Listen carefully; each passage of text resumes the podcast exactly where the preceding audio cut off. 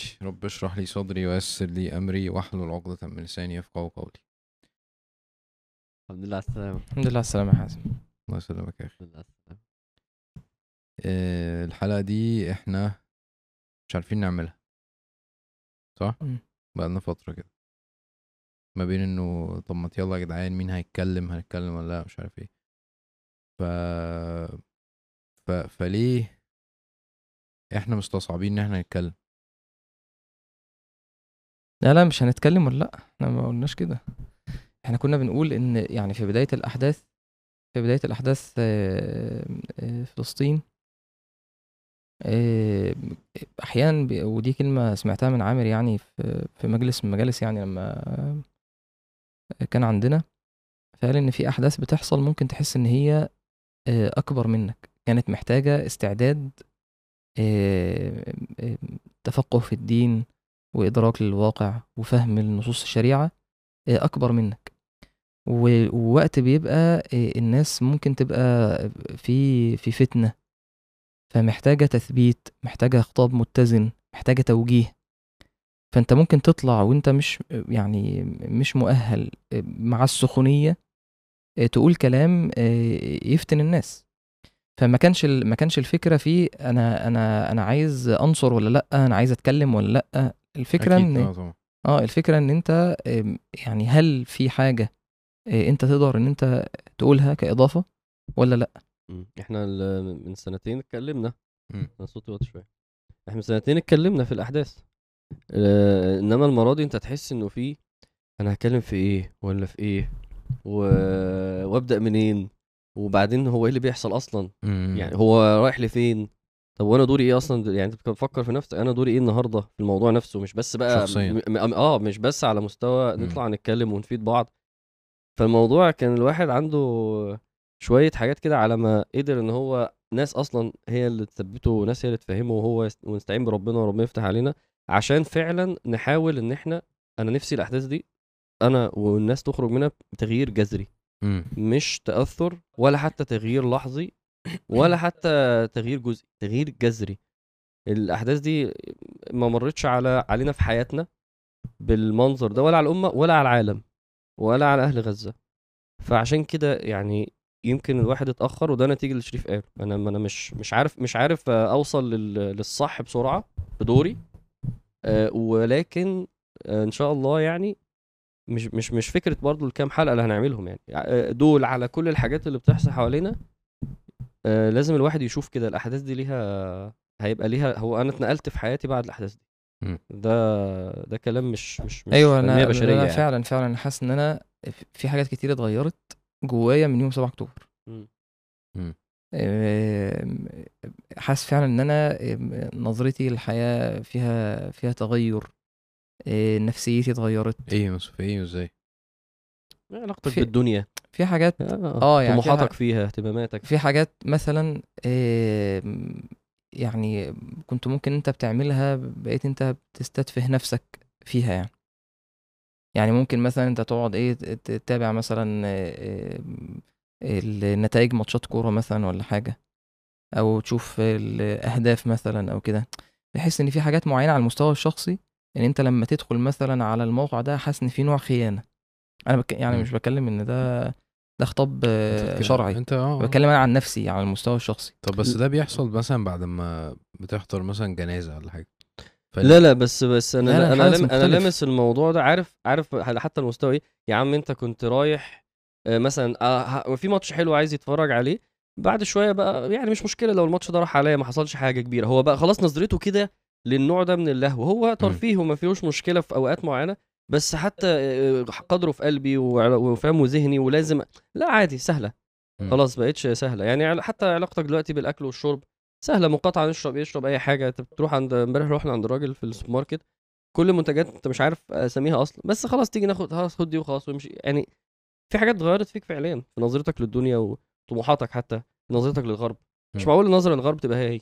طبعا. حتى لو واحد هيسافر يشتغل أو واحد هيروح يدرس مش هينفع يبقى مش عارف يبص لهم بنفس الطريقة. خلاص في حاجة في صنم بدأ يت- يتشرخ أو اتكسر خالص عند ففي حاجات كده. أنا قرآن. أنا مش ب... مش مش مش بحاول إن أنا مثلا آه، أقول إنه يعني الأحداث دي حاجة إيجابية. مش مش بحاول أقول كده بس أنا بالنسبة لي هم مثلا في فلسطين هم في في ضغط دائم آه، بيفكرهم دايما بالقضية ودايما بيشتغلوا ومش عارف إيه. فأنا بحس إن ربنا سبحانه وتعالى بالأحداث دي بي آه، اللي هو أنت ه- هنيجي غصب عننا عارف؟ أنت ليه بتقول الأحداث دي مش حاجة إيجابية؟ أم، أنا أنا شايف إن هي فيها حاجات إيجابية بس مش عايز الناس تفتكر إن أنا بقول ده كويس إن ده حصل أنا مش مش مش ده اللي أنا قصدي عليه عشان الناس ما تفهمش إن أنا أنا أنا همسك مبسوط أنا همسك دور حازم دلوقتي. مش مش عايز الناس تفهم إن أنا مبسوط إن إن إخواننا بيحصل فيهم كده. بس أيوه بس قصدي آه. الجملة دي صح. آه بالظبط بس الأحداث دي يعني ما فيهاش غير خير وما فيهاش غير كويس. إيجابية. آه، ده رأيي أنا يعني. طبعا.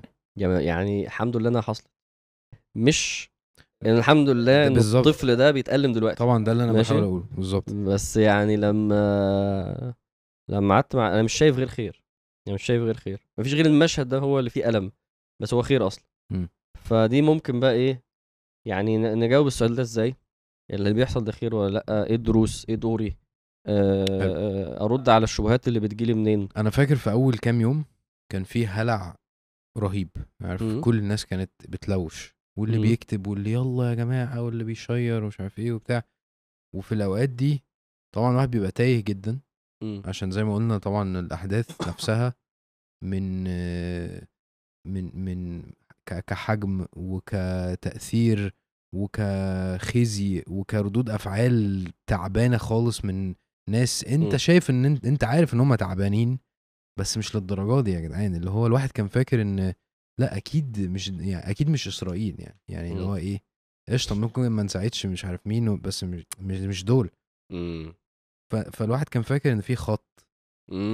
طلع ما فيش خط. خالص آه من أي حد في العالم. عارف اللي هو فكرة فعلا وضاقت عليهم الأرض. مش دول مش بس غزة ده ده ده, ده إحنا ده إحنا ما فيش أي حد ليه أي حد واخد بالك. غير غيرهم هم بس أمريكا ومش عارف إيه والحوارات دي. ف... فكل ده بيخلي الواحد يبقى هلعان تماما. وفي الوقت ده أنت بتحاول تشوف الناس اللي حواليك اللي, اللي بتقدر ت... تسي ثرو الأحداث عارف؟ تبقى. شايفة هي عارفة بقى سنن الحياة ماشية إزاي زمان كان الشيخ أسامة الله يرحمه هو اللي كان الناس بتروح له تسأله مش عارف إيه. ف... فأنا سمعت درس الشيخ أحمد عبد المنعم. في الأوقات دي. الدرس ده فعلا اللي هو إيه أنت بتبقى عندك حاجة حاططها قدام اللي هو إحنا لازم نتحرك دلوقتي. آه، الناس بتموت وراها اللي مش عارف إيه. فراح هو جاي إيه بيشيل دي يحطها هنا ولقى أصلا دي اللي المفروض تبقى هنا. فرتب الأولويات بطريقة اللي هو طيب ماشي. ده أصلا عادي. في سنن الكون. آه، آه، ده حصل أوحش منه بكتير جدا في التاريخ. أنت. بتبقى متخيل الحدث ده اللي هو يا نهار أبيض ده تاريخ مختلف تماما. طب ما مش عارف جنكيز خان قتل معرفش ملايين الناس. طب ما هتلر عمل مش عارف إيه. طب ما اللي هو آه طيب ماشي ده في صورة أوسع بكتير. فالواحد بيبتدي يحس إنه إيه؟ الصحابة نفسهم قواه. الصحابة نفسهم اللي هو الحديث المشهور بتاع ولكنكم تستعجلون سيدنا خباب مم. لسه الرؤية عنده ما كانتش واضحة سيدنا عمر في إمتى؟ في صلح الحديبية يعني يعني بعد آه، إسلامه هو بعد 14 سنة من إسلامه هو ولسه مفهوم النصر عنده كان بي- بيكمل مم. لما النبي صلى الله عليه وسلم يعني إيه. لما نعطي الدنية وبيقول النبي صلى الله عليه وسلم أنصر هو يعني طب ما ف- تقول كده إيه اللي حصل سريعا يعني؟ عشان مش كل الناس هو ده. إنه في الحديبية هم بدل ما يخشوا مكة زي ما النبي صلى الله عليه وسلم قال لهم إحنا رايحين نعمل عليه عمرة الصلاة والسلام. آه، آه، يعني عملوا الهدنة ورجعوا. فسيدنا عمر طب إحنا رجعنا ليه؟ طب إحنا المفروض نخش. فنزلت سورة إيه؟ الفتح.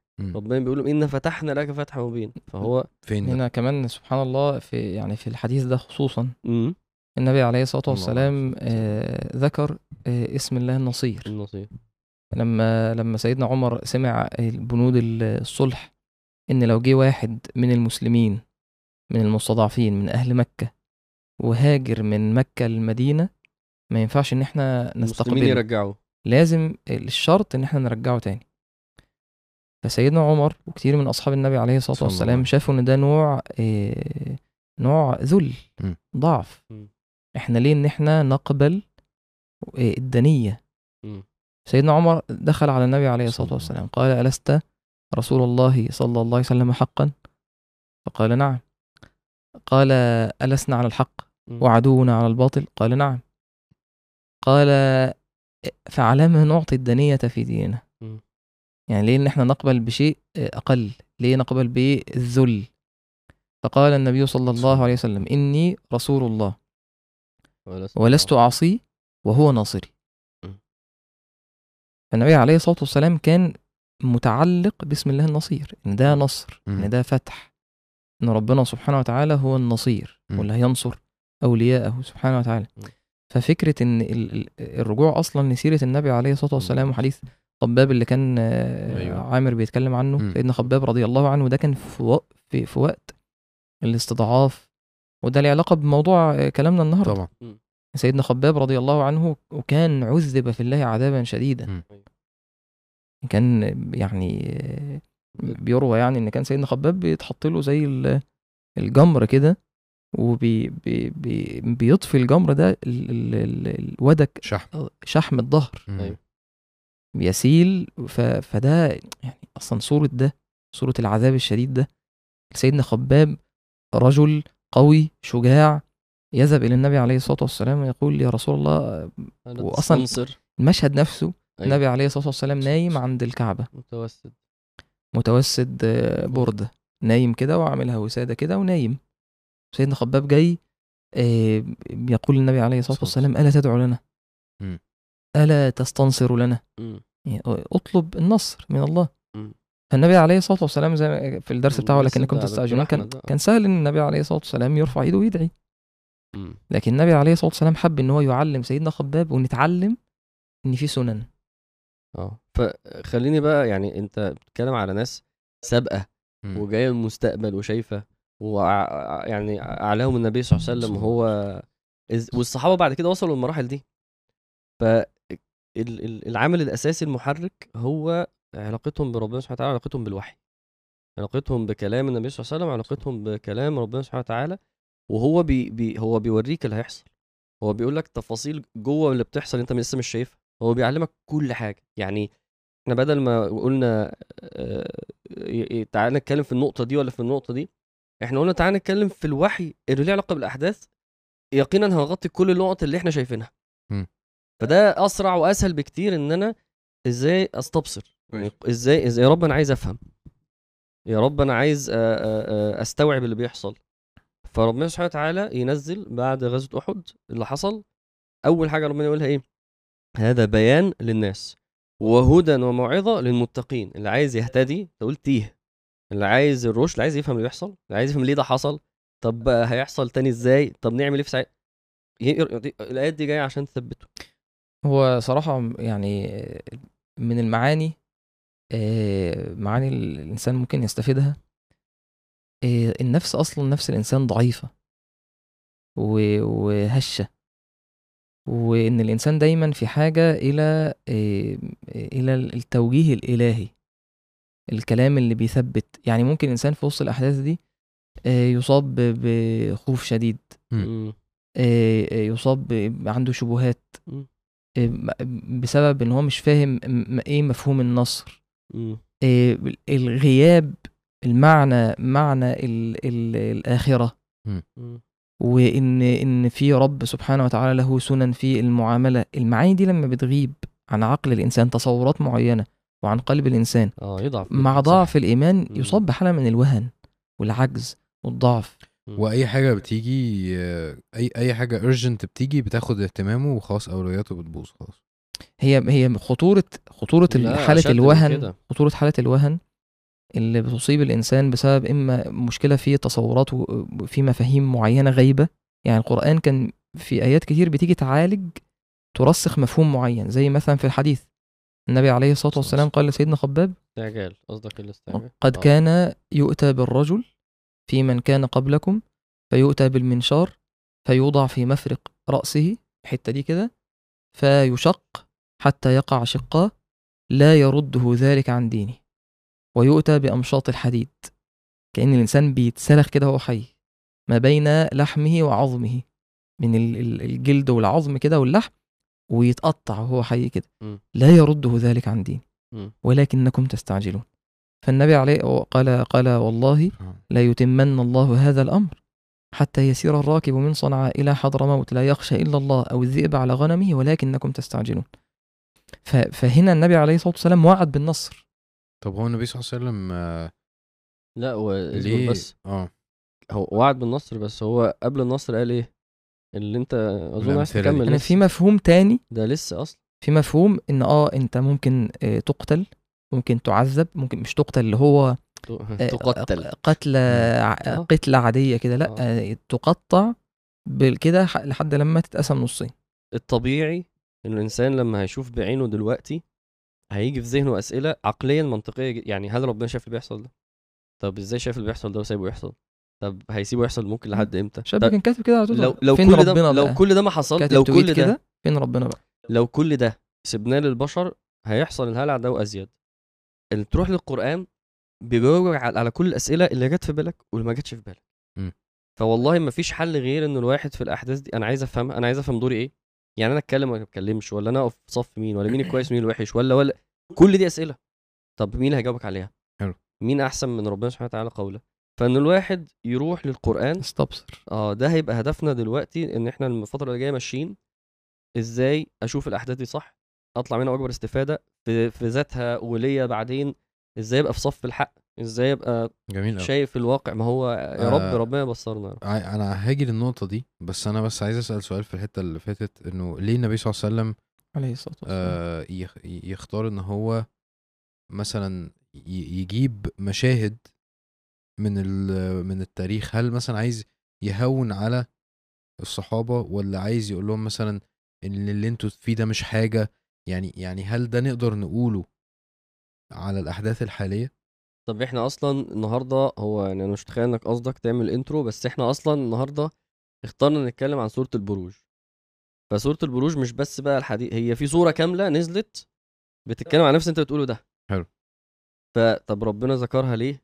كويس. في, ال- في الوقت ده في مكة للصحابة. يعني السوره دي نفس بالظبط موقف الحديث ده بس بدل ما هو سيدنا خباب بن عثمان بيقول له حاجة صلى الله عليه وسلم. ربنا بيقول للبشرية كلها ب- في نفس ال... م- ماشية في نفس الفكرة فتعالى نمسي ناخد الصورة دي هو النهارده اللي أنا اللي أنا اللي أنا فاهمه ان إن في معاني تربوية الصحابه تعرضوا ليها في مكة يعني سيدنا خباب هو محتاج إن هو يتعلم المعنى ده مم. إن هو يحتاجه قدام مم. سيدنا صهيب اللي بيروي الحديث مم. بتاع قصة آه، غلام الأخدود أيوه اللي هي علاقة بسورة البروج. مم. اللي راوي راوي الحديث صهيب أيوه سيدنا صهيب آه، آه، محتاج يسمع معنى عن التضحية مم. عن البذل عن إن أنا يسمع قصة غلام الأخدود يعني إيه والثبات فوز يعني إيه ثبات ثبات؟ على الحق مم. يعني إيه إيه إيه مفهوم الفوز مم. مشهد ال- ال- المشهد النهائي في الصورة إن كأن أنت هو الواقع أنت شايفه مظلم صعب في مأساة والمشهد النهائي إن سيدنا صهيب رضي الله عنه يطلع لما يجي ساعة الهجرة يقولوا له أنت هتسيب فلوسك جئتنا صعلوقا لا مال لك وإحنا هناخد منك الفلوس وهناخد منك البيت وهن...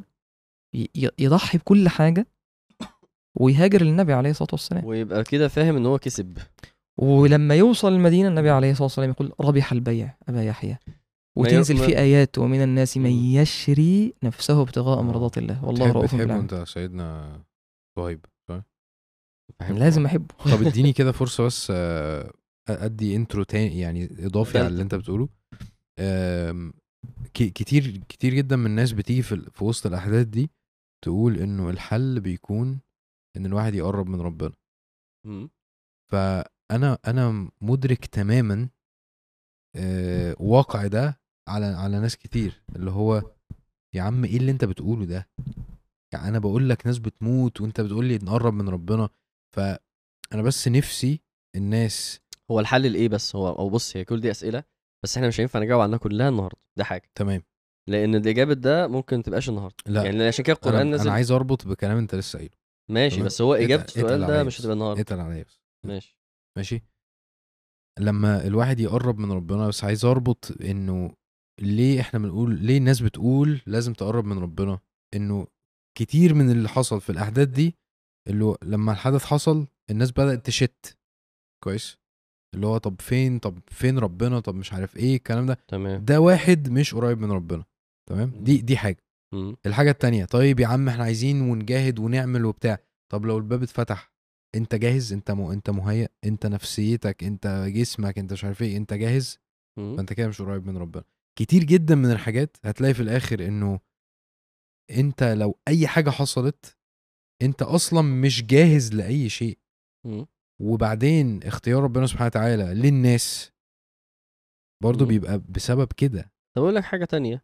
لو رب لو لو لو الباب اتفتح وماديا النصر المادي جه والقدس اتحررت وواحد مش أصلا قريب من ربنا وبيعمل ده صح. عشان العروبة طب ما هو ده برضه ما خدش حاجة. أنت عايز تبقى قريب من ربنا عشان كل حاجة. بالظبط كده. يعني عشان كل حاجة. عشان ربنا ما يرزق في قلبك دلوقتي يلاقي العبودية اللي تستحق إن أنت هو أنا بس. يعني برضو مش عايز فكرة إن يعني أنا كنت لسه بتكلم مع حد حد إمبارح.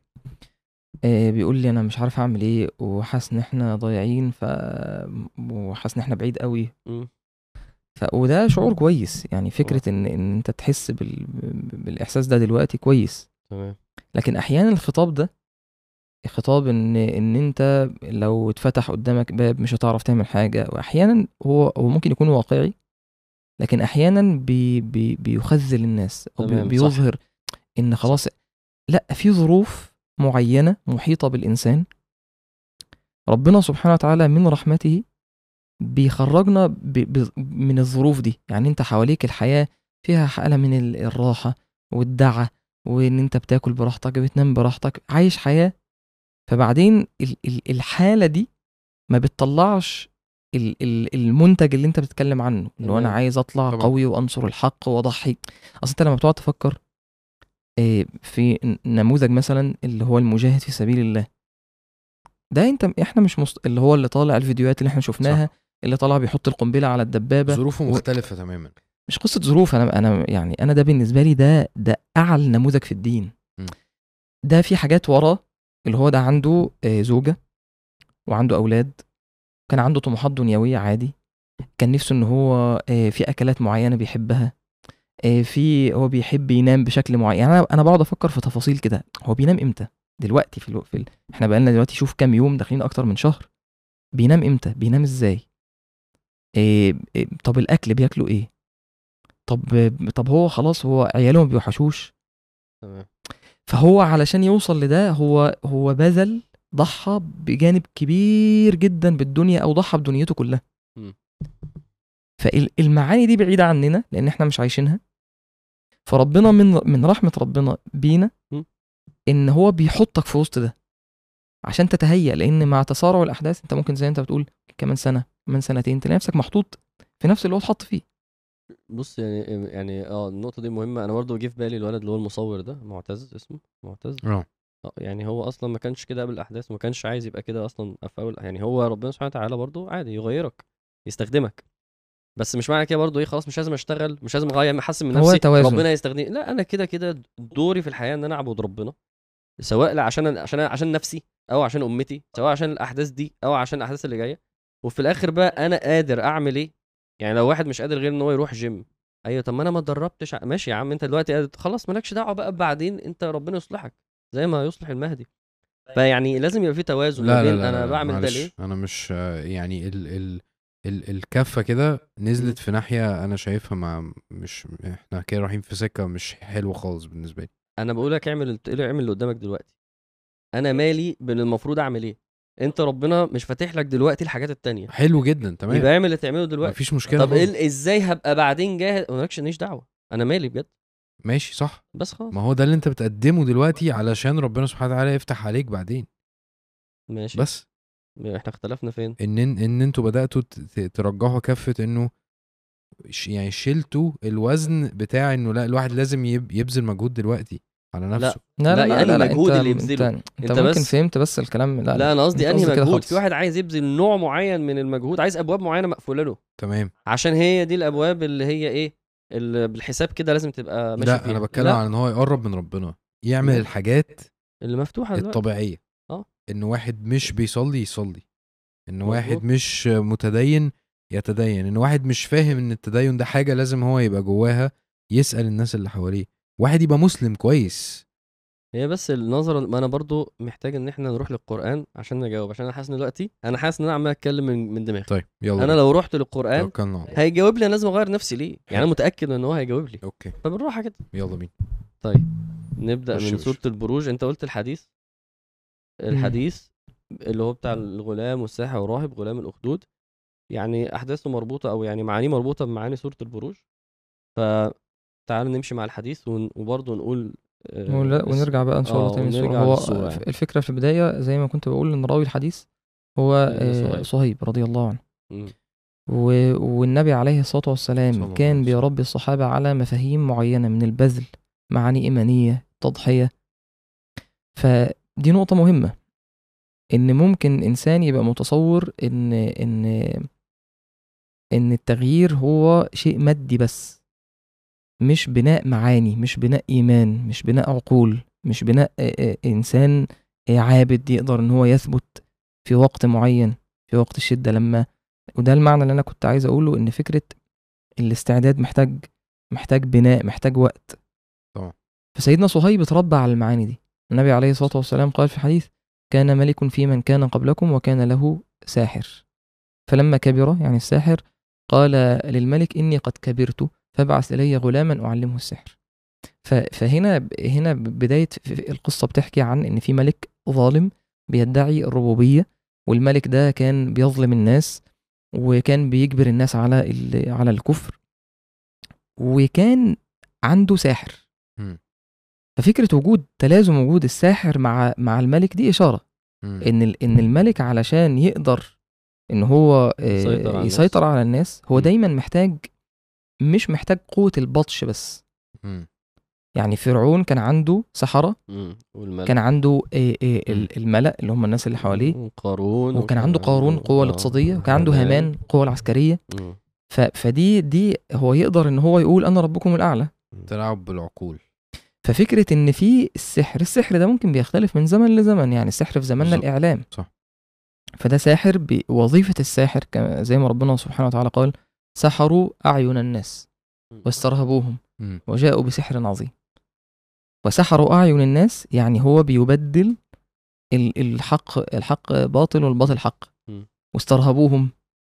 تخويف الناس. فده ده أنا مهم إن أنا أفهم إن في في معركة في حرب إعلامية مم.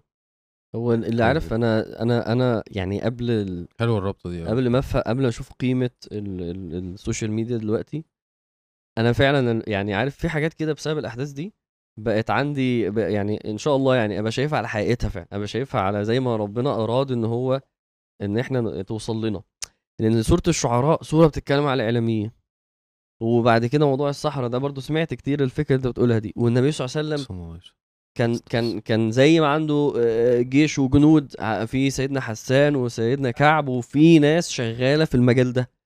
فأنا أنا فاهم إن هو مجال مهم بس أنا مش قادر أستوعب قيمته الحقيقية. أنا فاهم قيمته برضه بس مش قادر يعني النبي صلى الله عليه وسلم عليه الصلاة والسلام. آه كعب الأشراف ده اللي هو اليهودي النبي صلى الله عليه وسلم أمر ب- بقتله. ليه؟ من أحد الأسباب إن هو كان مسخر اللي هم الجريتين اللي بيقعدوا يتكلموا في عرض النبي صلى الله عليه وسلم يعني إعلاميين. فالنبي صلى الله عليه وسلم يعني أنا بالنسبة لي إيه هو الموضوع للدرجة دي يعني مهم. هو أنا بالنسبة لي القوة العسكرية دي 99% من المعركه.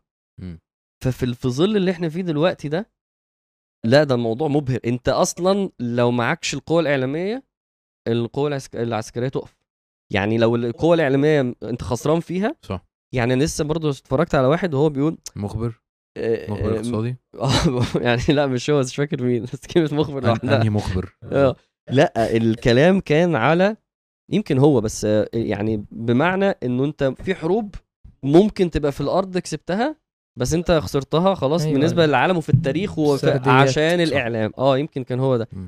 فبدأ بقى واضح بالنسبة لي جدا دلوقتي الموضوع ده. سيدنا سي- سيدنا عمر لما كان النبي عليه الصلاة والسلام داخل مكة وكان قدامه سيدنا عبد الله بن رواحة. فكان ابن رواحة بيقول خلوا بني الكفار عن سبيله اليوم نضربكم على تنزيله.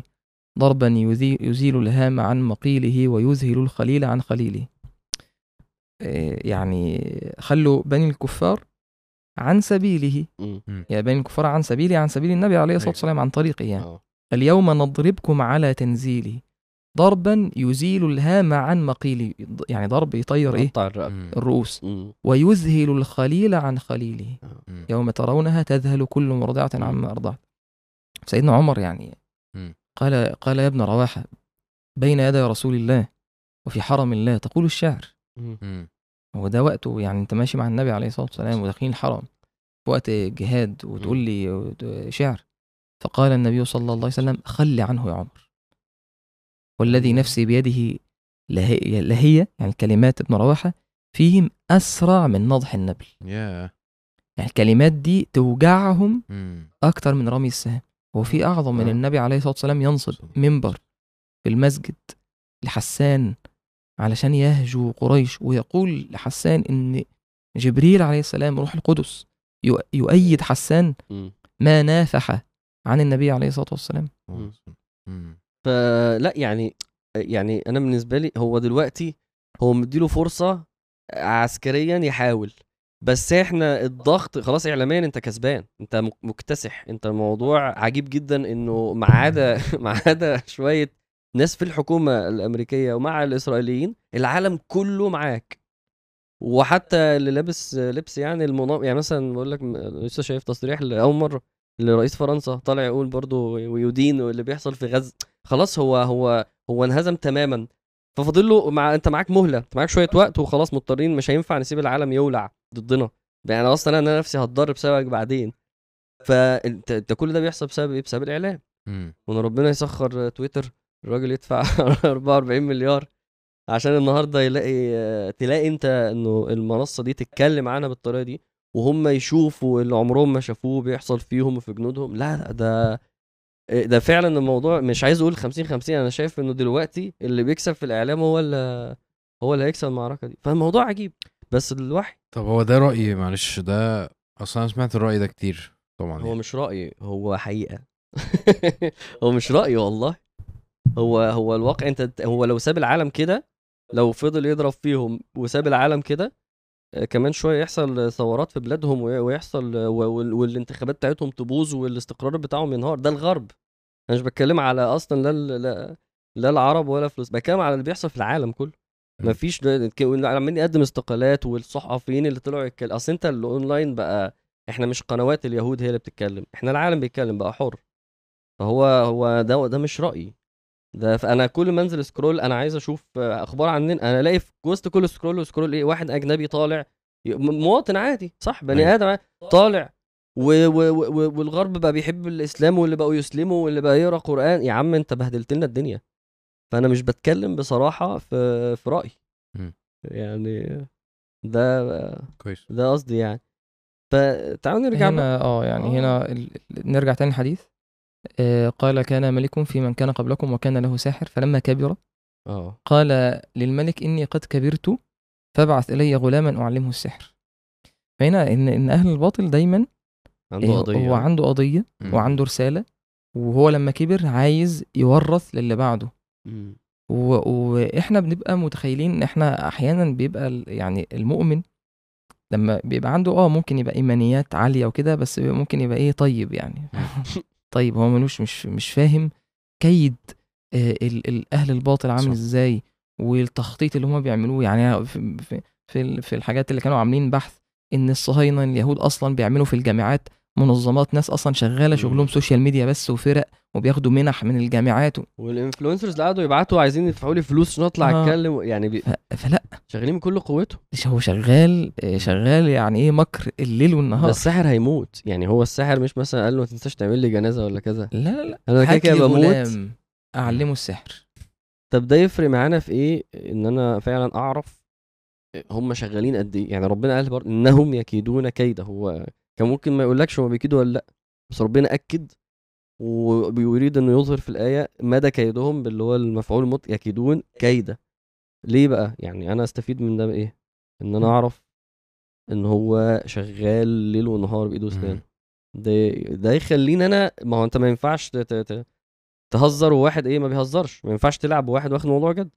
أنت أقل حاجة تاخد الموضوع على مستواه على الأقل. فده مهم إن أنا يوصل لي مهم إن أنا أعرف هو بيحاول يعمل إيه بتفاصيله عشان ده يخليني على قد من مستوى الجدية وال... وال... وال... والاهتمام بالموضوع يعني يعني أنت قصدك آه. يكيدون كيدا دي مطلوب منها رد فعل مني أه، ما هو لو أنت مش على نفس المستوى اللي قدامك اللي بت... أنت داخل match box وهو أنت شايف بقى إيه بص التمرين بتاعه عامل إزاي وبص استعداد وبص بص ما أنت لو ما عملتش زيه أنت هتخسر مم. فأنت لازم تبقى فاهم إن أنت لازم يبقى عندك نفس على الأقل الاهتمام بالقضية ال... ال... ال... الحرقة بتاعت إن أنت إن أنت توصل. يعني يعني لو افترضنا مش بتكلم على همشي بأنهي إمكانيات بس على الأقل ال- سيدنا عمر قال لما قال عج- عجبت ليه؟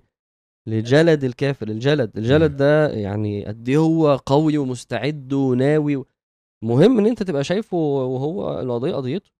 أنا عمال أفكر برضو إزاي هو كان كل شوية يجيب آه، لعيبة الكورة ويروحوا يتصوروا هناك وهو ده مهم جدا عنده ده بيشتغل على ناس تقيلة جدا وإزاي يظبط وإزاي يكسب الرأي العام و... لا دول بي... بي... فمش معقولة هم بيبقوا كده. وأنا ابقى هجيبها بصباعي الصغير لا مش هتنفع. فده ده أهمية يعني إن أنا أكتشف ده. ف... فكان آه، بعدها بعث ال- آه، عملوا يعني البحث وكده وشافوا الغلام. جابوا غلام في روان وقال له عايز غلام فطن. لقن. يعني يعني يلقن ويعلم وذكي. آه، فاختاروا غلام والغلام كان في طريقه يعني من البيت للقصر. قصر القصر الملك ده طبعا في شيء في الزخارف والزينة ومستقبل الغلام إن هو يبقى في حاجة عالية جدا. مم. والدنيا قدامه مفتوحة. فكان في طريقه إذا سلك؟ آه، إذا سلك يعني في طريقه آه. آه، راهب. الراهب ده ما عندوش أي حاجة مبهرة. وهنا ده دور آه، فكرة أولا التعرض للوحي إن النبي عليه الصلاة والسلام قال فقعد إليه سمع كلامه فأعجبه. ثلاث حاجات. قعد إليه سمع كلامه فأعجبه. إيه المبهر أصلا؟ هو قاعد في صومعة. وراهب. وراهب معتزل. آه. وقاعد يا ابني أنا مش بوعدك بأي حاجة من الدنيا أصلا مم. كلموا كلام إيمان كلموا عن ربنا كلموا عن الآخرة عن الجنة والنار كلموا كلام مم. فأعجبه مم. إن أنا مهم إن أنا قعد إليه سمع كلامه علشان أوصل لإيه إن أنا آه اعجبه إن أنا إن الحق ليه ليه بريق. آه ماشي. واضح أبلج. فأنت محتاج إن أنت تعرض للوحي. والمعنى التاني اللي ده سبحان الله شيء فعلا سبحان الله إن ربنا سبحانه وتعالى غالب على امره الغلام ده آه. يراد بيه إن هو يكون خليفة الساحر. يعني تخيل كده إن إحنا قاعدين بنصرف فلوس قاعدين يصرفوا ملايين ومليانة علشان. نطبع العلاقات مع اليهود ويبقى عادي ونجيب فلان الممثل ده هنا ومش أيوة. عارف. وبعدين في الآخر إيه؟ بس. يحصل حدث خلاص كل الفلوس فسينفقونها. ثم تكون عليهم. حسرة ثم يغلبون آه. فربنا غالب والله غالب على أمره وده اللي إحنا نتعلمه من المعاني دي إن الغلام ده هيبقى ولي من أولياء الله والنصر هيجي على ايديه والقرية كلها تسلم على ايديه وهو أصلا ده في الخطة بتاعت الكفار إن هو يبقى. آه، رقم اتنين أنا بحب بعد الملك. بحب جدا اللي هي برضو نفس الآية إنهم يكيدون وأكيدوا كيد. انه ربنا ما قالش وإني أكيد كيد يعني إنهم بس ما قالش وإني يعني هو يعني زي هو هيبذل 10 سنين يعني ربنا يعني 3 4 أيام. مم. هو الموضوع عند ربنا يعني أهون من أي حاجة. فبجد دي أكتر حاجة بحبها في الآية دي إنه هو يقعد يدفع ويبذل ويفكر ويعرق و- وسنين وربنا لأ عادي ممكن في يوم واحد خلاص كل ده ينتهي. ليه؟ عشان ما فيش أصلا موازين للقوة ده ربنا سبحانه وتعالى وشوية بشر يعني. مم. فزي ما أنت بتقول كده هو في طريقه. يعني مش هيدور على هو في طريقه. هيلاقيه بالصدفة وهيبقى في طريقه عشان يشوفه كل مرة وهيقعد يسمع ويعجبه. يعني طب يا رب يعني عارف عايز طب اديهم فرصة كده مفيش خالص مفيش ما هو اللي بيتحدى ربنا ده يعني يعني مش عارف فعلا إنسان بيفكر. هو والمشكلة إنه يعني اليهود عارفين إنهم بيتحدوا ربنا. عارف مشكلتنا مع بني إسرائيل كده؟ هو عارف إنه ده دين وعارف إنه بيتحدى ربنا. بس ما أعرفش إزاي قادر يعني يعني يفكر فيها كده ويحسبها كده. ممكن الغرب أو اللي بيعاونهم مفيش مع... مفيش مفيش دين في في المعادلة عندهم. بس دول عارفين. بس هو من زمان كده. يعني هم يقتلوا الأنبياء وهم عارفين دول أنبياء. مم. فأنا مش عارف إزاي واحد ممكن يتحدى ربنا سبحانه وتعالى. لا عبد الله بن سلام كان بيقول يقول للنبي عليه الصلاة والسلام قال يا رسول الله إن يهود قوم بهت. قوم هو هو حبر من احبار اليهود عالم. بهت يعني. يعني ناس ناس فجرة آه. ناس كذابين ناس بتوع بهتان. قال يا رسول الله ان يهود قوم بهت. إن علموا بإسلامي قالوا فيه يعني يتكلموا فيه هي, هي بي- بيقلبوا الحقائق. كذابين. يعني ربنا بيقول قل فلم تقتلون أنبياء الله إن كنتم إن كنتم مؤمنين. كنتم مؤمنين. فين الإجابة بقى آه، سبحان الله فعلا. يعني يعني دول قال يعني آيات. آيات عن عن يهود وده ممكن إن شاء الله يبقى لينا يعني مرة كده نجمع إيه أوصاف يهود ومشاهد يهود في في كتاب الله عز وجل أنت بتعمل سلسلة باين لا لا أمال إيه بنتكلم. على هل أنت يهودي آه لا دي قصص بني إسرائيل دي حاجات آه ممكن برضه بس يعني لا دي غير دي. دي صفات اليهود أوكي آه عايزين بقى يعني هنقفز يعني قفزة كده في الحديث إن هو طيب. الغلام كان. يعني بعدها بدأ الغلام يتردد بين بيئة بيروح هنا بيروح هنا. وبيروح هنا. مم. ودي طبعا فيها فائدة يعني تربوية إن الإنسان ممكن في وقت ال- ال- التغيير ده هو محتك ببيئه معصية وبيئة الفساد وفي نفس الوقت بيئة الإيمان. فالنبي عليه الصلاة والسلام قال بينما هو كذلك. مم. مم. يعني هنا وهنا. آه. بيتلقى بيشوف السحر يتعلم سحر. و- وفي في جزء برضه من الحديث إن الغلام كان بيضرب في القصر. وبيضرب في البيت وإن. ده أنت لازم إن أنت هتختبر. لا استنى بقى عشان هو لسه جاي دي إنك آه. استبتلى م- م- م- ده, ده كان قبل قبل كمان حتة أيوة. إنك ستبتلى أيوه أيوه يعني أصلا بقى مجرد فكرة إن الغلام قرر إن هو هيسمع وحي مم. وهيقبل إن المفاهيم بتاعته تتغير مم. تعرض لبلاء مم. بلاء الضرب خفيف كده يعني فاهم ياخد علقة هنا ياخد علقة في البيت لأن هو عمال يتأخر. عشان بيقعد وقت زيادة مم. فالساحر يضربه شوية يتأخر عشان وقت زيادة فبيروح على البيت متأخر فأهله يضربه شوية فد- اللي فده عادي. كان ممكن أي إنسان يقول لك طب أنا يعني مم. أول لما وده سبحان الله أول لما الدنيا بتاعتك تتأثر وأنت دخلت في طريق ربنا ممكن أنت تفكر أنت خلاص يعني طب على إيه.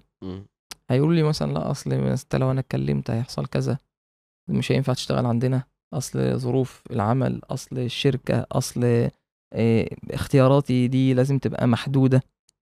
ف... فأول لما هيلاقي جزء من الدنيا تأثر يقول خلاص يا عم مش عايز الطريق ده. يعني كان ممكن ده كان اختيار يبقى مطروح أصلا عند الغلام. طب أنا عليا بإيه؟ يعني إن أنا أتضرب في عند الساحر. طب ما خلاص ألغي فقرة الراهب من النص. من الطريق ومن البيت للساحر ومن الساحر للبيت أهلي مبسوطين أنت الغلام بيروح فصول السحر والساحر مبسوط مني وخلاص. فصول السحر. أها. يعني إحنا يعني هل هنتكلم في الموضوع دلوقتي بشكل واسع؟ عشان بس إيه أنا عايز أفتح بس آه عادي عادي لو أنت عايز تقول حاجة أقصد أقصد يعني هل دلوقتي الأحداث دي بتعلمنا إنه من من أصول الحياة إن أنت بتبتلى؟ ده ده كده مفهومه للكافر والمؤمن يعني. من صور ابتلاءات المؤمن إنه لما يقول لربنا أنا أريد اتباع الحق إنه يبتلى في دنياه. هو ده هنا إيه هو بس قرار السماع مم. يعني لأن في بعد كده قرار العمل هينشر بقى بالمناشير بقى قرار بص لا، بص واصله من فين لفين اللي أنت لسه قايله هو يعني. البلاء هنا مم. بعد قرار إن أنا هقعد هروح هحضر درس هروح المسجد أحضر درس مم. آه فممكن يبتلى صدق يعني اختبار. يعني يعني النهارده أصل ممكن يقول لك ليه بيحصل فيهم كده مم. ما هو لو كده يبقى إحنا ماشيين صح أنت لو قلت أنا هثبت على الحق يبقى تبتلى ممكن بقى تبتلى إيه بقى في الحلقة دي في دنيتك كلها يعني تموت. يعني بيتك يروح منك يعني ابنك يروح منك. ما دي الدنيا. عشان يختبر صدق آه توجهك ده أو إعلانك ده أو نيتك دي. فربنا سبحانه وتعالى هل ده إحنا بنكتشفه في الأحداث؟ لأ لأن القرآن ربنا يقول لا تبلون في أموالكم وأنفسكم. يعني يعني في أوضح من كده. يعني آه، أم حسبتم أن تتركوا؟ فالكلام واضح جدا. ف... وإحنا بنشوف تحقيق تحقق وعد ربنا ربنا وعد صحيح إنه ده ممكن دي ممكن تبقى صورة من صور ابتلاءك لما تقول أنا هسير في طريق الحق فسيدنا خباب لما جه يشتكي النبي صلى الله عليه وسلم صح. قال له. الناس لما مشيت ممكن يكون حصل فيها أكتر من اللي أنت ممكن تكون بتعاني منه ودي صورة من صور إيه ابتلاءك في طريق الحق فالحمد لله إحنا بنسمع من أهل غزة إنهم فاهمين ده كويس قوي. أيوه بس هو خد هو خد مدة. خد خد كورسات آه خد محترم مدة. صح؟ يعني هو ده اتحط في ظروف وخد مدة تربية ربانية أحداث ابتلاءات. غزة ولا الغلام؟ بتكلم- آه، غزة. مم. يعني سبحان الله لما لما آه، سبحان الله الورد بيبقى ليه طعم مختلف آه. مع الأحداث. آه. لا والقرآن المدني اللي هو كان تقيل قوي و- يعني أنا أنا أنا أفتكر إن تاني تاني يوم كنت براجع سورة البقرة. وبعدين جيت عند الايات يا أيها الذين آمنوا استعينوا بالصبر والصلاة. مم. أنا كنت حاسس إن أنا فعلا تعبان. أيوه. مش قادر. حاسس ب... بعد متابعة الأخبار حالة من الضعف و... مم. استعينوا بالصبر والصلاة. إن الله مع الصابرين. ولا تقولوا لمن يقتل في سبيل الله أموات. بل أحياء ولكن لا تشعرون. حس إن الآيات فعلا نازلة صح. بتربط. هات بقى الآية اللي بعدين ولنبلونكم. بشيء. أنت مستغرب ليه يعني؟ آه. ولنبلونكم بشيء من الخوف. والجوع. والجوع. ونقص. من الأموال والأنفس والثمرات. اللي هو إيه ده؟ مم. الجوع نقص الأموال. آه ده بقى. خوف. ال- البيوت اتهدت. آه، جعانين. مم. في الشرب. ال- نقص الأنفس. الثمرات. مم. كله. أنا بحب وبشر الصابرين. الذين إذا أصابتهم مصيبة قالوا إنا لله وإنا إليه راجعون. ل- هو ده ده اللي هيقدر إن هو ينجو أصلا. مم. اللي, اللي هو مستحضر المعنى الإيماني إن أصلا الدنيا دي لا تساوي شيء إنا لله. اختصاص. وإنا إليه راجعون. يعني أنا أصلا منه. ملك لله سبحانه وتعالى. أنا عبد لله سبحانه وتعالى. قال أولئك عليهم صلوات من ربهم ورحمة. هو ده بقى؟ هو ده ده ال- الفائز. هو ده الفلاح هو ده اللي هتتنزل عليه الصلوات والرحمات من رب العالمين سبحانه وتعالى. يعني سبحان الله. يعني أنا ص... ليه ربنا يعني ليه بيحصل فيهم كده؟ هو مين قالك إنه مش هيحصل كده؟ هو ده ده ربنا قال ده اللي. هيحصل. مم. يعني يعني أنت كده عندك يعني علاقة بالوحي تقريبا مش موجودة. يعني أنت لو تعرضت له أصل الآيات بتاعت ال... الابتلاء إن هو هينزل وصريحة مش واحدة ولا اتنين. يعني كتير. زي ما الآيات بتاعت ربنا ينصرهم مش واحدة ولا اتنين كتير. فتحس إنه السؤال أنت أنت بتسأله ليه بقى؟ يعني أنت إزاي بتسأله؟ أنت بس تتعرض للوحي السؤال ده خلص خلاص. آه دي صورة من صور الابتلاء ربنا كتبها على السابقين على الصحابة على النبي صلى الله عليه وسلم وعلى الناس اللي في الحاضر. دي صورة دي صورة متصورة جدا. فدي كويس جدا إن إحنا تعرضنا لها إيه في في القصة بتاعت الغلام. بس هي أوضح بقى كمل أنت عشان أنت, آه انت بتسرد. ال- ال- بعدها الغلام بدأ يتردد بين البيئتين. فكان لازم هيجي مرحلة إن أنت هتفصل. ودي برضو نصيحة إن الشاب لما يفضل يتنطط بين بيئة الطاعة وبيئة المعصية هو لازم هيجي في وقت يفس لازم أفصل لازم اخد قرار مم. والغلام كأنه كان جواه حاجة كأن كان في صراع كأن مم. كان في تنازع بين الإرادة دي والإرادة دي وبعدين آه، في يوم ربنا سبحانه وتعالى آه، وص. وصل له الم- المعنى ده يعني حطك في اختبار علشان يظهر لك يكشف ليك آه. وده بيحصل في حياة كل إنسان آه. هتيجي حتة اللي هي الإيه الفاصلة. اللي هو أنت فاهم إن أنا دلوقتي ابعد بس الموبايل شوية. إن أنا لازم دلوقتي آه، أنا فاهم أنا المفروض أعمل إيه. يعني كل واحد بيجي عند الحتة دي كده. أنت فاهم إن هي أنت دي. هي دي. مم. مم. إيه اللي حصل بقى معاه؟ فشاف دابه حيوان مفترس حجز الناس عن الطريق والغلام مشغول بالناس وده الفرق بينه وبين الراهب. فقال اللهم إن كان أمر الراهب أحب إليك. من أمر الساحر فاقتل هذه الدابه أحب. مش مش الأسهل مش أيوة. الأوفق لهوايا لأ أحب آه. فرماها فماتت ففهم إن خلاص هو أمر هو الراهب هو الحق. الأحب هو ده الحق رجع للراهب رماها بإيه يعني؟ بحجر مم. ايا كان يعني يعني أوكي. مش يعني مش مش عارف بسهم بحجر مم. يعني. بس يعني المهم إن هو الحديث فيه رماها يعني مم. فرجع لل. دايما عايز يرسم الصورة بتاعت المشهد رجع ليه بس هو المفهوم إن دي كرامة يعني إن هي مش مش مش مش, الطبيعي إن هو يرميها وتموت. فاهم يعني هي شيء لأن ده شيء لو. هو شيء في ال- في العادة طبيعي آه. مش هيبقى مبهر لأن هو بيدعي بيقول يا رب أقتل هذه الدابة. عشان أتبين إن دي إنما لو هو أصلا شخص رامي ورماها آه، بسهم فهيبقى يعني إيه الجديد يعني. فاهم. يعني هي دي آية كرامة فرجع فقال أي بني أنت اليوم أفضل مني وقد بلغ من أمرك آه، ما أرى. يعني أنت وصلت لمقام عالي دي كرامة من الله عز وجل. أنت النهاردة أحسن مني لأن أنت تعرضت للناس وهتتحمل إيه ال- التبعات بتاعت الدعوة دي. يا بني أقم الصلاة وأمر مم. بالمعروف بص. وأنهى عن المنكر واصبر على ما أصابك. مم. قال وانك ستبتلى. إنك ستبتلى. فإن ابتليت فلا تدل عليه. النقطة دي آه، خطيرة. إنك ستبتلى. دي لأنه في دايما صح. يعني في دايما إنه إيه يعني تعالى ربنا عشان كل حاجة تبقى حلوة ده- يعني ده خطاب الحاجة المؤثرة لما ما جدا بيتقالش غيره آه بيبقى لما صح. بيحصل الابتلاء بقى على مستوى الفرد اللي هو. الحاجات أو على مستوى الأمة دلوقتي آه، طب ليه ربنا عمل فيه يا عم الخطاب أصلا ما كانش كامل انت هتيجي لربنا عشان آه، صحتك النفسية وعشان رزقك وعشان آه، وقت موتك وعشان في الآخرة أيوه ما أنا عارف بس إيه علاقة ده ب... هيحصل فيا إيه في حياتي أيوه ده أصلا الخطاب ده هو ده مشكلته حسبان. من ال- من ال- اللي هي في الآيات أم حسبتم مم. أم حسبتم أن تدخلوا- الجنة مم. ولما ياتكم مثل الذين خلوا من قبلكم مستهم البأساء والضراء. وزلزلوا. حتى يقول الرسول والذين آمنوا معه متى متى نصر الله ألا إن نصر الله قريب أنت كنت فاكر أنت هتدخل كده حسب الناس ان يتركوا يقولوا امنا هم لا يفتنون لا أنا دلوقتي أنا. متخيل لو الإنسان عايش المفاهيم دي صح لو ما بيحصلوش حاجة لازم يسأل نفسه هو أنا ماشي غلط ولا. إيه يعني يعني ما بيحصلش حاجة خالص يعني ربنا قال هيحصل كل هيحصل وبرضه. عامر هي. فكرة إن ممكن أنا أبقى متخيل دلوقتي إن أنا ابتلائي إن هيجي الملك هيمسكني ويحط المنشار في آه. نص دماغي لأ؟ هو أنت ممكن ابتلاك أصلا أنت تسيب حتة من دنيتك. آه.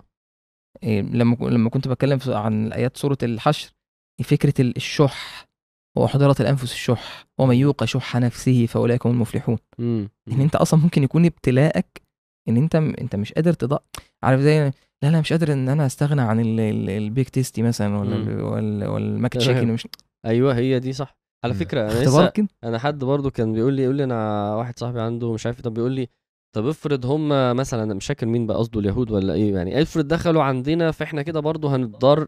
قلت له هو ليه برضو مستوعب إن هو ده الضرر؟ طب ما هو أنت سايب بيك تيستي هو متضرر برضو. بس هو إيه متصور أنا أنا أنا فاهم الابتلاء بصور معينة بس مش فاهم صور تانية. فالنهارده ده يخلي الواحد لما ربنا بكل وضوح في الوحي يقول له إنك ستبتلى يبقى خلاص استعد بقى. يعني أنت استعد. أنت ما بس شوف النبي صلى الله عليه وسلم يقول سألوا الله العافية. يعني كأن الصحابة ممكن إيه يوصلوا لمرحلة يا رب ابتليني بقى. أنا فاهم إنه ده المفروض يحصل لي. فلا ما أنت ما سألوا الله العافية.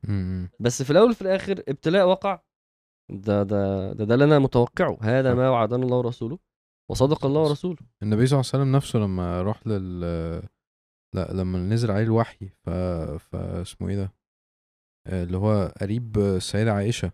ورقه السيدة خديجة قصدي. ورقة بن. فقال له إن إن قومك هيخرجوك و... مم. فهو هي دي. مم. مم. وبعدين عارف برضو إيه؟ هل كان لازم يحصل موقف زي ده للغلام عشان يكشف له حاجات معينة؟ أنهي موقف؟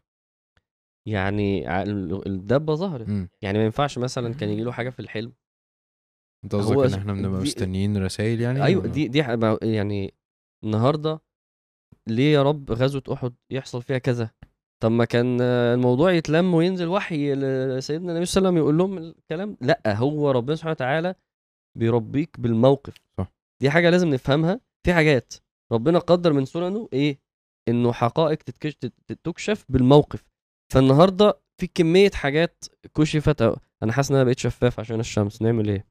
مشكلة آه مش هي الشمس عشان طلعت آه، من ورا ال مش مشكلة مش مشكلة، هتكلم قليل آه. الموقف ده لما حصل بسببه ال ال زي يعني ال الوضوح اللي حصل في في, في ناس معينة وفي مواضن معينة في مواضيع معينة هو ربنا سنته كده ما يحصلش إلا كده.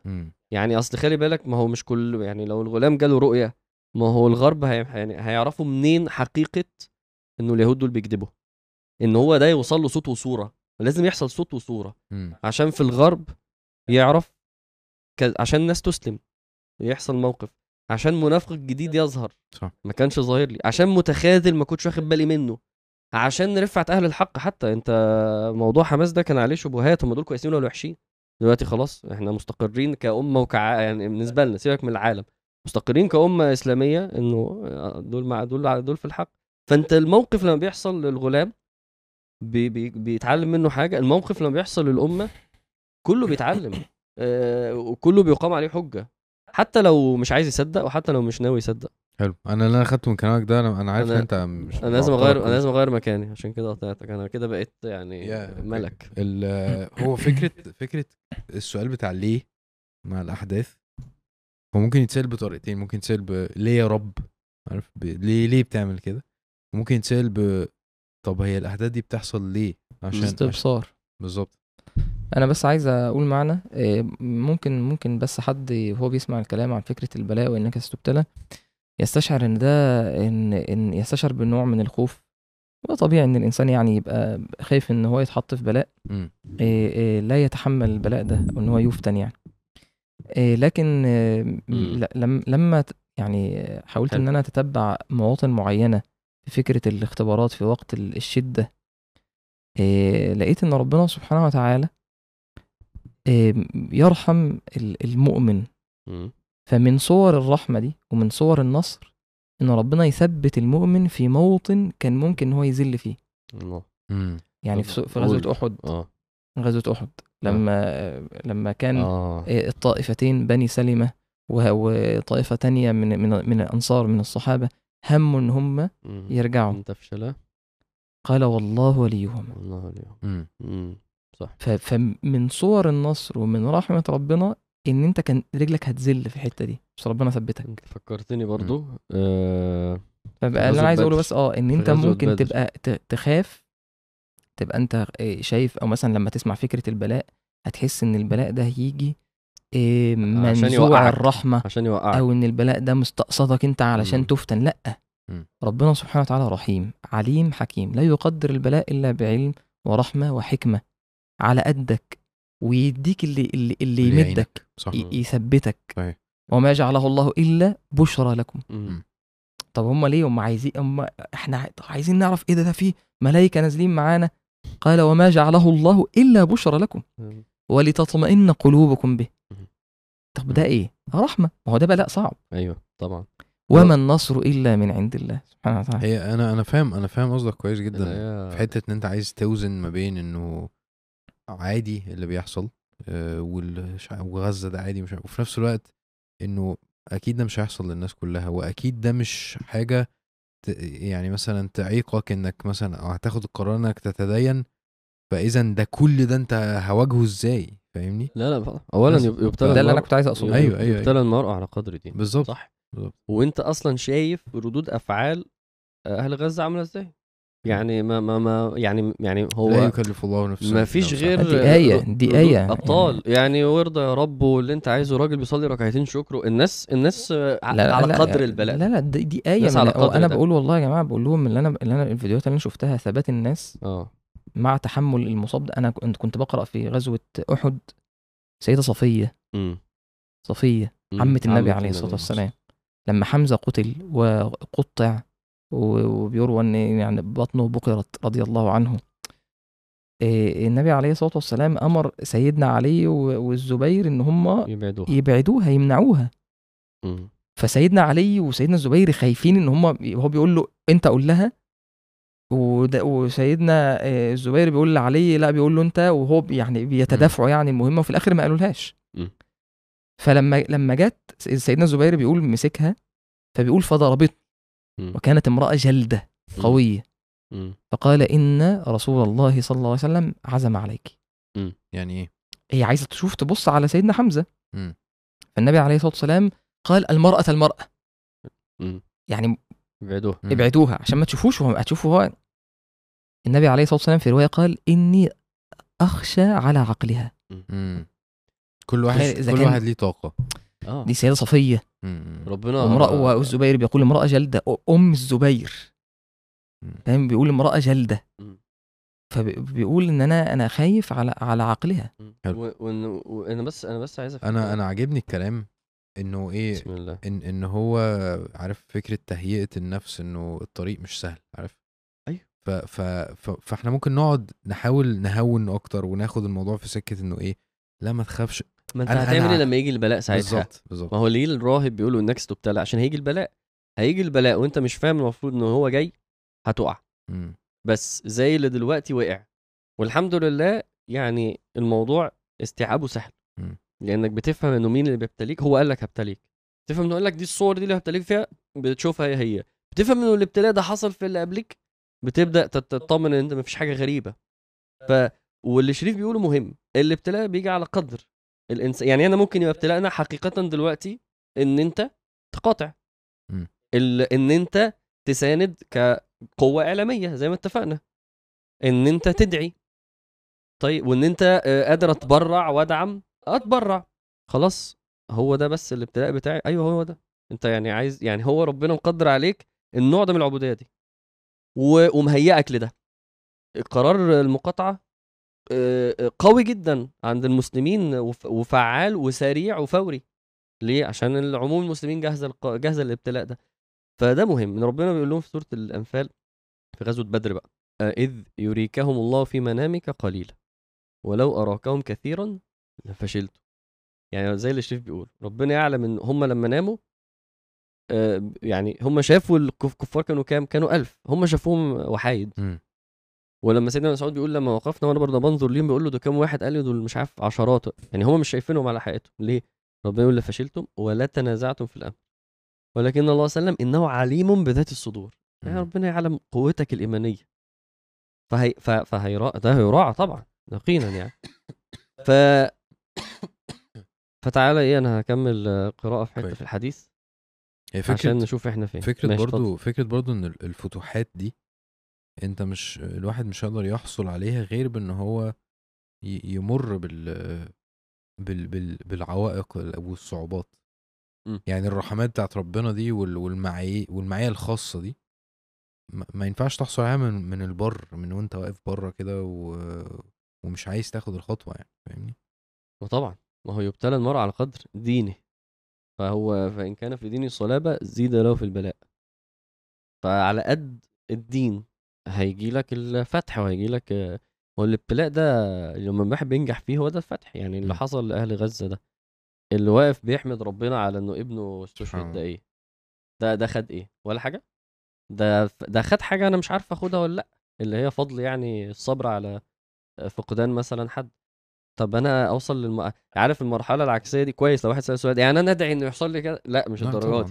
بس كويس. إن أنت بقيت شايف شايف الفكرة إنه ده ممكن يحصل. بالظبط ف... والحمد لله على نعمة الوحي. يعني ما فيش حاجة ما اتقالتش. مم. يعني اللي بيفقد بصره هتلاقي له هتلاقي له حديث بيتكلم عنه. اللي بيفقد ابنه هتلاقي له حديث بيتكلم عنه. بيت الحمد في الجنة. اللي هو مش مش هيسيبك الوحي مش هيسيبك. بس إحنا اللي سايبينه. يعني أنا اللي مش رايح. يعني لحد دلوقتي من من قصة واحدة ولسه حتى ما دخلناش في الصورة ولسه ما خلصناش القصة. وضح لي جدا القوة ال- تعالى القوة الإعلامية وإنه والسلاح ال- الرهيب ده. ده وضح لي جدا. ووضح لي جدا إنه دي صورة من صور البلاء الطبيعية جدا المتوقعه بس ولسه ما لسه إحنا لسه رحلة الوحي مكملة. فادي سؤالين نجاوب عليهم. فإن ابتليت فلا تدل علي آه. وبعدين آه، بعدين بدأ ربنا سبحانه وتعالى يبقى الغلام ليه كرامات. فكان الغلام يبرئ الأكمه والأبرص ويداوي الناس من سائر الأدواء. فسمع جليس للملك آه، يعني بالغلام يعني كان قد عمي. معلش ثانية واحدة. الغلام بيعمل إيه؟ مش فاهم. بيشفي الناس. الغلام ربنا سبحانه وتعالى أجرى على يديه كرامات. ماشي. الناس بتجيله بيدعوهم إلى الله و... و... ويسلموا ويدعي لهم ربنا يشفيهم. فبدأ الغلام يبقى ليه دعوة على الأرض كويس. على أرض الواقع. والدعوة دي وصلت إيه لحد قصر الملك لدرجة إن يعني الملك خلاص كل ده الملك ما يعرفش حاجة خالص. يعني هو الغلام ما كانش بي بي بيعمل شغله مع الملك؟ لا خلاص لا خلاص بقى انفصل مفيش بقى, عن بقى. خلاص مفيش ساحر انفصل عن و... الساحر و... و... ماشي. ايا كان بقى يعني إيه التفاصيل بتاعت آه، آه اللي. مش مشكلة. لا هو خلاص الواضح إن تمام. الغلام خلاص الأمر خد فصل عنده. آه. وخد سكة الدعوة والدعاء للناس ويبرئ الأكمه والأبرص بإذن الله سبحانه وتعالى ويداوي الناس من سائر الأدواء. آه. جميل. فوصل الأمر لجليس الملك. فتخيل إن دعوة الغلام اخترقت القصر. وده إن شوف بقى الملك مش عارف ده في الآخر إيه؟ الغلام إيه إيه أسلم بسببه الجليس. آه. أسلم. أيوه هنشوف جليس أهو. الملك جاله. الجليس أصلا مم. كان أعمى. مم. آه. وقال ما هنا لك أجمع إن أنت شفيتني. جاب له بقى فلوس وهدايا وكل الحاجات دي هتبقى بتاعتك لو أنت شفيتني. فقال الغلام إني لا أشفي أحدا إنما يشفي الله. فإن أنت آمنت بالله دعوت الله فشفاك. فآمن جليس الملك. أنا بحس الحتة دي كده عارف إيه يعني؟ فآمن جليس الملك. خلاص آمن جليس الملك.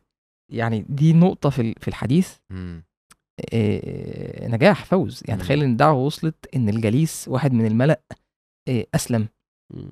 على فكرة أنا برضو ما كنتش متصور إنه يعني أنا كنت كل طموحي مع الغرب إنهم هيوصل لهم قضية فلسطين وحقيقة اليهود آه. بس لما بدأت إن هو إيه- هو إيه القرآن ده وبعد كده هو إزاي آه، بيقول الحمد لله وكذا عشان وبعدين صح،. لسه النهارده شايف صور بقى ناس بنات ميجان بالحجاب. آه ميجان و- رايس. هي دي ولا- مشهورة يعني كشخص؟ آه، ولا أنا ما أعرفهاش بس ماشي. عندها followers كتير قوي يعني. آه إيه، أنا ب... أنا والله ما كنت فاهم إنه أثر ده انه واحد يسلم.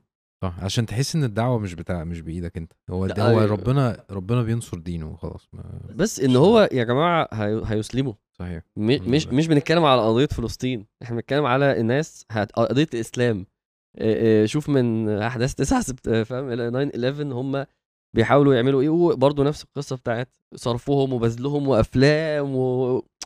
وبعد كده الأحداث تز... الأحداث أصلا مش بتك... يعني مفيش درس بيت... يعني الناس ما شافتش دروس ما شافتش هي الناس شافت أحداث فبعد كده أنا جبت القرآن النهارده دي 1 والنهاردة دي 2 وبص الصورة دي باين إن في واحدة لفت نظري جدا في كلامها يعني إن هي قالت آه أنا آه من الصورة الثانية آه كل حاجة وضحت لي مم. ما أعرفش هي شفت ده ولا ولا لأ. ال عمران آه. أنا أول ما شفت كده مش أنا هي دي اتكسفت باين والله. أصلا مش هي دي أصلا ما أعرفش بس مم. يعني هو الموضوع من يعني الناس كتيرة أنا والله اتكسفت لما- يعني أنت البقرة وال عمران وضحوا لك إحنا عندنا عايزين نعدي البقرة وال عمران عشان نخش في صور فاهم لا هي آل عمران من أول إيه م- يعني من, مش من 120 ممكن. وإذا غدوت من أهلك وأنت طالع كده لحد 180 مم. آه سبحان الله يعني دي آه. محتاجة محتاجة درس مم. سلسلة يعني ف لا لا زي ما انت قلت يعني انه إزاي يعني هل الحدث ده اصل انت بتقول إيجابي ما قلت في الأول ده يا عم ده إيجابي عليا وعليهم وعلى على كل الناس مم. فدي من الحاجات المبهرة بصراحة الناس بتسلم مش بتؤيد الفكرة مش ب... بتسلم ده ده ده حاجة رهيبة أنا شفت برضو فيديو اللي هو أيمن ده الداعية العراقي ده في إنجلترا واقفين صفوف واقفين صف كده. الشهادة فاهم واقف كده كأنهم والله الله. آه والله يقول الشهادة ويحضنوا التكبير يقول الشهادة آه أنا عارفه أيمن ده اللي رابط شعره ده آه رابط فورمه هي ده. عارف برضو نفس الفكرة اللي عامر اللي عامر قالها في البداية فكرة أما سيدنا عمر آه، آه، كان كان معترض على النبي عليه الصلاة والسلام مين هو؟ سيدنا عمر آه. لما كان يعني ما مش كانش شايف الخير قابل ال- آه ما كانش قابل إن. إحنا نمشي من. الحديبية ونزل نزل بعد الصلح الحديبية آه، آه، سورة الفتح إن فتحنا لك فتحا مبينا. مش فتح ده مش فتح مكة ده فتح القلوب الناس أسلمت. ده بعد. الصلح. خلينا نربط ده بالاستعجال شوية. ليه؟ عشان أنا بالنسبة لي هو أنا هفسره بالثانية اللي بتحصل بعديه. فأنا ما حصلش حاجة دلوقتي. مم. ماشي ما أنا ممكن تشوف أثر ده كمان مثلا 30 سنة ما أنا مش يعني ما أنا مش ما أنا مستعجل. آه أنا عايز يعني دلوقتي. أنا شو قول لي أثره بكرة. خلاص هفهم وأقتنع. طب ما هو كده ما فيش ابتلاء. فسبحان الله يعني ابتلاء ال... ال... لو بنقول زي ما نقول ابتلاء على قدر ديني فهو ده ابتلاء للإيه؟ للمع... للإيمان نفسه بعيدا عن ال... يعني الجسم يحصل له إيه فاهم؟ أو أو بيت يحصل له إيه؟ طب ما أنت بتبتلى بتبتلى في إيمانك يعني بتبتلى في أفكارك صح. وفي خواطرك وفي عقيدتك أنت بتبتلى. بتبتلى في فده أفكارك ابتلاء آه، ابتلاء. يتحسب. ما هو عقيدتك عبارة عن أفكار بتبتلى. ف بس يعني فعلا درس استعجال بتاع الشيخ أحمد ده لازم إن شاء الله يا جماعة ولكنكم تستعجلون. كله يعني إن شاء الله يعني يستزيد منه يعني. طيب. آه بعدين أمن الجليس فأمن جليس الملك. ودي بالنسبة لي يعني نقطة إيه فاصلة في الحديث. الجليس راح آه، قعد جنب الملك وهو بقى بيشوف عادي. آه،. فقال من رد عليك بصرك؟ قال ربي. قال ألك رب غيري؟ قال ربي وربك الله. والله عجيب. مالك عجيب والله. لا هو التاني يقول لك هو بيشوف عادي يعني اللي هو جاي إزيك عامل إيه؟ هو آه ما هو دخل عليه عادي المجلس. بتاعه بقى بيشوف. فقال له إيه ده يعني أنت؟ بيقول له هو بيقول في رواية قال قال آه، قال لما قال ربي قال أنا. سبحان الله. أنا. مجنون. قال ربي وربك الله. قال فأخذه فلم يزل يعذبه حتى دل على الغلام. قال له ما ماليش دعوة هو الغلام اللي قال لي حفظني الكلمتين دول. فجيء بالغلام فهنا إن الملك بيحاول ودي ودي برضو ليها فائدة. يعني محاولة الاحتواء. وده معنى ال... ال... في سورة البروج ربنا سبحانه وتعالى بيقول وما نقموا منهم إلا أن يؤمنوا بالله العزيز الحميد. سيب الصورة بقى سيب الصورة دلوقتي هنيجي دلوقتي بس؟ فكرة فكرة العزيز الحميد. لا يعني هو ما نقموا أصلا. انتقموا ما عابوا عليهم شيء إلا أنهم آمنوا بالله. ما عايز يعني- ينزل بالمستوى سيكا بس معلش يعني هو ال ال الكفار حرقوا المؤمنين آه. علشان المؤمنين ما كانش ما لهمش أي جريمة أيوه. ما انتقموا منهم ما عابوا عليهم شيئا إلا أنهم آمنوا بالله العزيز الحميد. يعني آه، يعني جريمة المؤمن اللي هو أيوة، عمل إيه؟ أيوة، أيوة. أصحاب الأخدود أيوة. إن هم أسلموا. كويس جدا. بس نقطة. المهم هي الفكرة بس إيه؟ مم. العزيز الحميد. إن مم. ربنا ذكر الأسماء دي. أيوه أيوه. ما أنا قلت لك ال سيب ال ال ال الملك مم. الملك اللي هو الملك ال- الظالم ده عايز دايما يبقى ليه العزة إن أيوه. هو عزيز لا. يغلب ماشي؟ وعايز إن هو يبقى حميد. حميد يعني محمود. مم. يعني أي فعل بيحصل أنا اللي لازم آخد ال- ال- اللقطة بتاعته. آه، أنا مش هقول كريدت يعني بس هو إيه لازم تصب عندي أيوة. فهو لما جاله الغلام فبدأ يحتوي الغلام. مم. يعني عايز يقول له إن اللي أنت وصلت له ده بسببي. بسبب إرشاداتي بسبب مم. توجيهاتي. مم. قال قال أي بني؟ شوف بيقول له يا ابني قد بلغ من سحرك ما تبرئ الأكمه والأبرص وتفعل آه. وتفعل. قال له أنت شوف. آه سحر. آه أوكي. بلغ من سحرك. أيوه أيوه أيوه. أنا بسبب توجيهاتي وإن أنا جبتك واحتويتك وعملت منك ساحر بقيت مشهور وبلغ من سحرك ما تبرئ الأكمه والأبرص وتفعل وتفعل. فدايما بيبقى أهل الباطل ليهم طرق. إن هو إزاي يستقطبك يخليك إن أنت جندي. تعالى حبيبي إحنا هنديك منحة عندنا وهنشغلك وهن...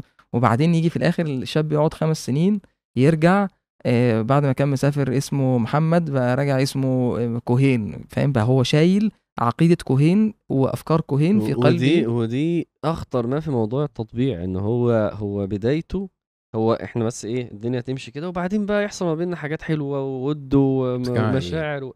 ال... ال... التطبيع أساسه إنه اديني فرصة. ادينا فرصة نبقى أصحاب وادينا فرصة نظهر إن إحنا آه، ماشيين وحالنا ماشي وانه ما هو هو اي بني أنا أروح له أنا تشوف ده- انت بتشوف أنا عايز الراجل أروح لأمك وأنت تروح لأمي شفت فيديو كده راجل أيوه إزاي وإزاي وهو إيه هو هو مش- بيقول يعني أنا يعني بيقول العلاقات بيني وبين إسرائيل؟ حد كده مش مهم يعني بس ماشي. يعني حد مسؤول يعني. في, في بلد ما. من اللي هم بيطبعوا يعني مم. يعني لا سبحان الله انت انت حتى هو الراجل بتاع افغاي ده يقوم طالع في إيه هو يجي في تلاقيه في العيد وطالع يعمل لك فيديو كل سنة وأنتم طيبين وشوية ويتكلم على السماحة بتاعه الإسلام و... هو بيحاول يبقى إيه بيحاول دي أنا لو قدرت ان أنا اكسب اكسب كام واحد اضحك كام واحد. واحط فاهم ايدي على كتف كام واحد هو هدفه دي هو الملك بيبدأ كده دي أحد طرق مم. آه، نعبد إلهك لا أنا سنة أصلا الكلام اللي أنت بتقوله وتعبد إلهنا سنة. أنا معرفش أنا حسيت إن كان انك كأنك بت بتقول مثلا إنه لو لو حد آه، شركة بره مصر حسسته إن هو جامد فحت وبعد كده راح واشتغل معاهم فبيرجع بايظ. أنت قصدك كده ولا مش ده اللي أنت قصدك؟ هو بس أنا آه، بس عايز أكد على. حاجة. أنا مش قصدي إن أنا برضو كل حاجة في الحديث أو في الآية إن أنا يعني ألويها مم. عشان أنزلها على الواقع بس ده مهم طيب أنا حبيت أستوعب. يعني أنا بس عايز يعني أنا بحاول إيه إيه يعني أستبصر لنفسي أيوة. وبحاول أ- يعني ده ده شيء يعني ممكن حاجة تقلش حلو. عادي ما تبقاش ليها يعني مش مش لازم إن إيه إن آه ده معناها ده هنا الاحتواء ده معناه أيوة. يبقى مش لا مش لا. هو هو أحد أحد أساليب بس أنا بقول آه إن من أساليب أهل الباطل يعني معروف. خلاص إحنا حكينا قصة الملك مع محاولة احتواء الغلام. ومن أساليب. أهل الباطل إح... الاحتواء. ما هو ال ال لما لما راحوا النبي صلى الله عليه وسلم الوليد أبو الو- أبو الوليد. آه. لما راح عتبة راح عشان النقطة مفاوضات. آه تعالى طب نمشي الدنيا. بنحاول كده ودوا لو تدهم فيدنون. فدي حاجة زي ما أنت بتقول صح؟ هي من أساليبهم سواء في واقع الملك أو مع النبي صلى الله عليه وسلم. وأنا كنت شايف ان هو دايما التطبيع باب عشان يحاول يطبق الأسلوب ده بالراحة ما هطبقه إزاي ما واحد إحنا الاتنين واقفين في وش بعض بال- بال- بالبندقية يبقى لازم نحطها كده ونهدي وبعد كده افتح لي المجال ده صح. وهم فعلا بدأوا في ده وتلاقي حفلات وتلاقي ناس من دول مع هو ده الأساس عشان كده خطورة التطبيع جاية من هنا فا إيه آه؟ قال له آه الغلام هنا لما الملك قال له حاول ان هو يعني مم. يستميل الغلام مم. ويرجعه للصف تاني فالغلام قال أنا لا أشفي أحد إنما يشفي الله. مم. قال فأخذه فلم يزل يعذبه. حتى دل على الراهب. آه أنا بقى بتخيل الراهب بقى هم جاي- جابوه من الصومعة وجاي وبعدين دخل فلقى الغلام واقف والجليس وبص كده الغلام مش أنا قايل لك؟ أنتوا ليه لا تدل عليا. لا يكلف الله نفسا إلا وسعها. فهو أو ده. شوف النقلة اللي الغلام هينقلها دلوقتي. إن هو لم يتحمل عذاب فدل على. الراهب. فلما جيء بالراهب الراهب ده بقى معاملته مختلفة. يعني في حاجات معينة هو هو مش هي يعني أهل الباطل هو مشخص. فده فلان ده ده لازم أشيله يعني هيقول لك ده ده لازم أستأصله. يعني ده مش هينفع يبقى ده مش هينفع أحتويه حلو. هو ده بره دايرة آه، قصة ان أنا أحتويه وإن أنا أقول له كلمتين وأضحك عليه وهو مثلا أهبل جاهل مش فاهم فأنا لأ. ده لازم ده علاجه ان هو يموت فقال أرجع عن دينك فأبى فجيء بالمنشار هو حديث حديث خباب. آه. فجيء بالمنشار فوضع في مفرق رأسه في الحتة دي والنبي عليه الصلاة والسلام بيوصف المشهد والغلام واقف بيتفرج والجليس المنشار بيتحط وبعدين بيتقطع حتى وقع شقة.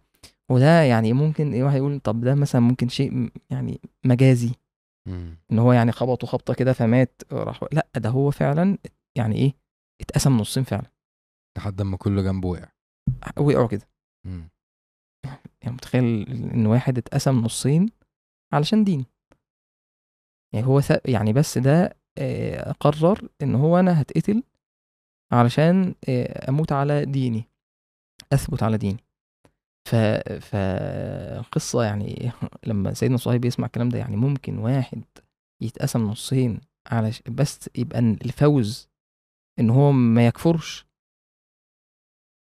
مش بيتكلم هنا على فكرة إن هو رخصة إن هو يتكلم بكلام الكفر. لكن إن النبي عليه الصلاة والسلام بيقولوا إن في نماذج كانت كده. ممكن يوصل الموضوع لإنه يحصل في نماذج كده. ده وان, ال- وإن أنت ما ينفعش تاخد لأن بالرخصة. إحنا ما كناش ده ما ينفعش ياخد بالرخصة مثلا يعني. مم. إن لأن لو لو الراهب معلش أنا آسف. لو الراهب دلوقتي آه، آه، قال له ارجع عن دينك الملك فقال له خلاص ماشي رجع. خلاص القصة انتهت أصلا يعني في فين بقى الغلام وفين ال- ال- ال- ال- اللي يصلب بقى على الشجرة والناس آمنا برب الغلام وقصه هو خلاص أصلا إيه؟ هو الراهب آه، فاهم إن أنا ما ينفعش أخد برخصة. فثبت فقتل فجيء بالجليس فقيل له ارجع عن دينك فأبى فقتل نفس الطريقة بالظبط والغلام واقف بيتفرج على نماذج التضحية. مم. ودي النقطة التانية بقى. إن ممكن و- وده معنى اللي أنا برد على كلامك في البداية لما أنت كنت بتقول إن إن إحنا إحنا بعيد عن ربنا أو مثلا يعني مش إن ده إن أنت ممكن تحط في موقف ما تعرفش وأنت بعيد عن ربنا. أيوه. المشاهد اللي إحنا بنشوفها الشجاعة والبطولات ومش عارف إيه، دي بتكون جوه طبعا. جوه الشباب.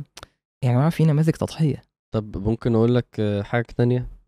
الجليس هو ده كان جاهز لإن هو يصبر اللي صبرت للصبر أيوه ده الجليس ده نقل- عجيبة الجليس جدا. نقل نقلة سحرت فرعون. ده قال له ما هنا لك أجمع. لا هو هو ظهر معانا في ثلاث مشاهد. المشهد الأولاني واحد مفتون بالدنيا بشكل رهيب ما عندوش إيمان على الكفر وبيغريب الدنيا.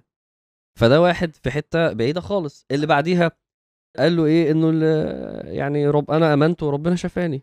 يعني كويس واحد إيه أسلم وجي اللي بعديها عمل حاجة ما ما أظنش أنا هعرف أعملها ولا لأ. يعني عمل حاجة الراهب بس اللي بيعملها. فربنا سبحانه وتعالى طيب يعني خلاص. قصدك قصدكوا إيه؟ قصدكوا قصدي- إن أنا أسيب نفسي وأعتمد على إنه إن ده هيحصل قصدي إن أنا أعمل المتاح وربنا سبحانه وتعالى إن شاء الله يرزقني الجهاد والشهادة في سبيله أنا ما أعرفش إزاي أنا ما أعرفش أنا اجاهد طب ولا لأ أنت ليه ليه وهرزق شهادة ولا لأ وهثبت ولا إن لا أنا ليه ليه مش عارف إحنا حسينا إن أنت اللي بتتهاجم دلوقتي ليه بتقولوا إن. أنا بعارض كلامكم؟ لا مش بنقول إحنا بنقول في حد قال يعني أنا أنت بقالك لما بقى- مش انت- انت كنت- رجعت من كندا وأنت حاسس إن أنت كده في موقف دفاع- دفاعي ها آه حد كده آه ما هو ال victimization ده عندهم عالي صح. أنا إنما أنت قلت في ناس. بتقول إنه إيه علاقة إن أنا أقرب من ربنا ما أنا هعمل إيه؟ هو بيرد على الكلام مش بيرد على صاحب أنا مش حاسس إن اللي أنا قلته مختلف عن اللي أنتوا بتقولوه. يا عم خلاص يا عم. خلاص أنا إحنا غلطان. آسفين إحنا آسفين. حقك عليا. ماشي. إحنا آسفين. إحنا anti-Semites أنا أنا بس أنا خ... أنا خايف حد يكون بيسمع ي... ي...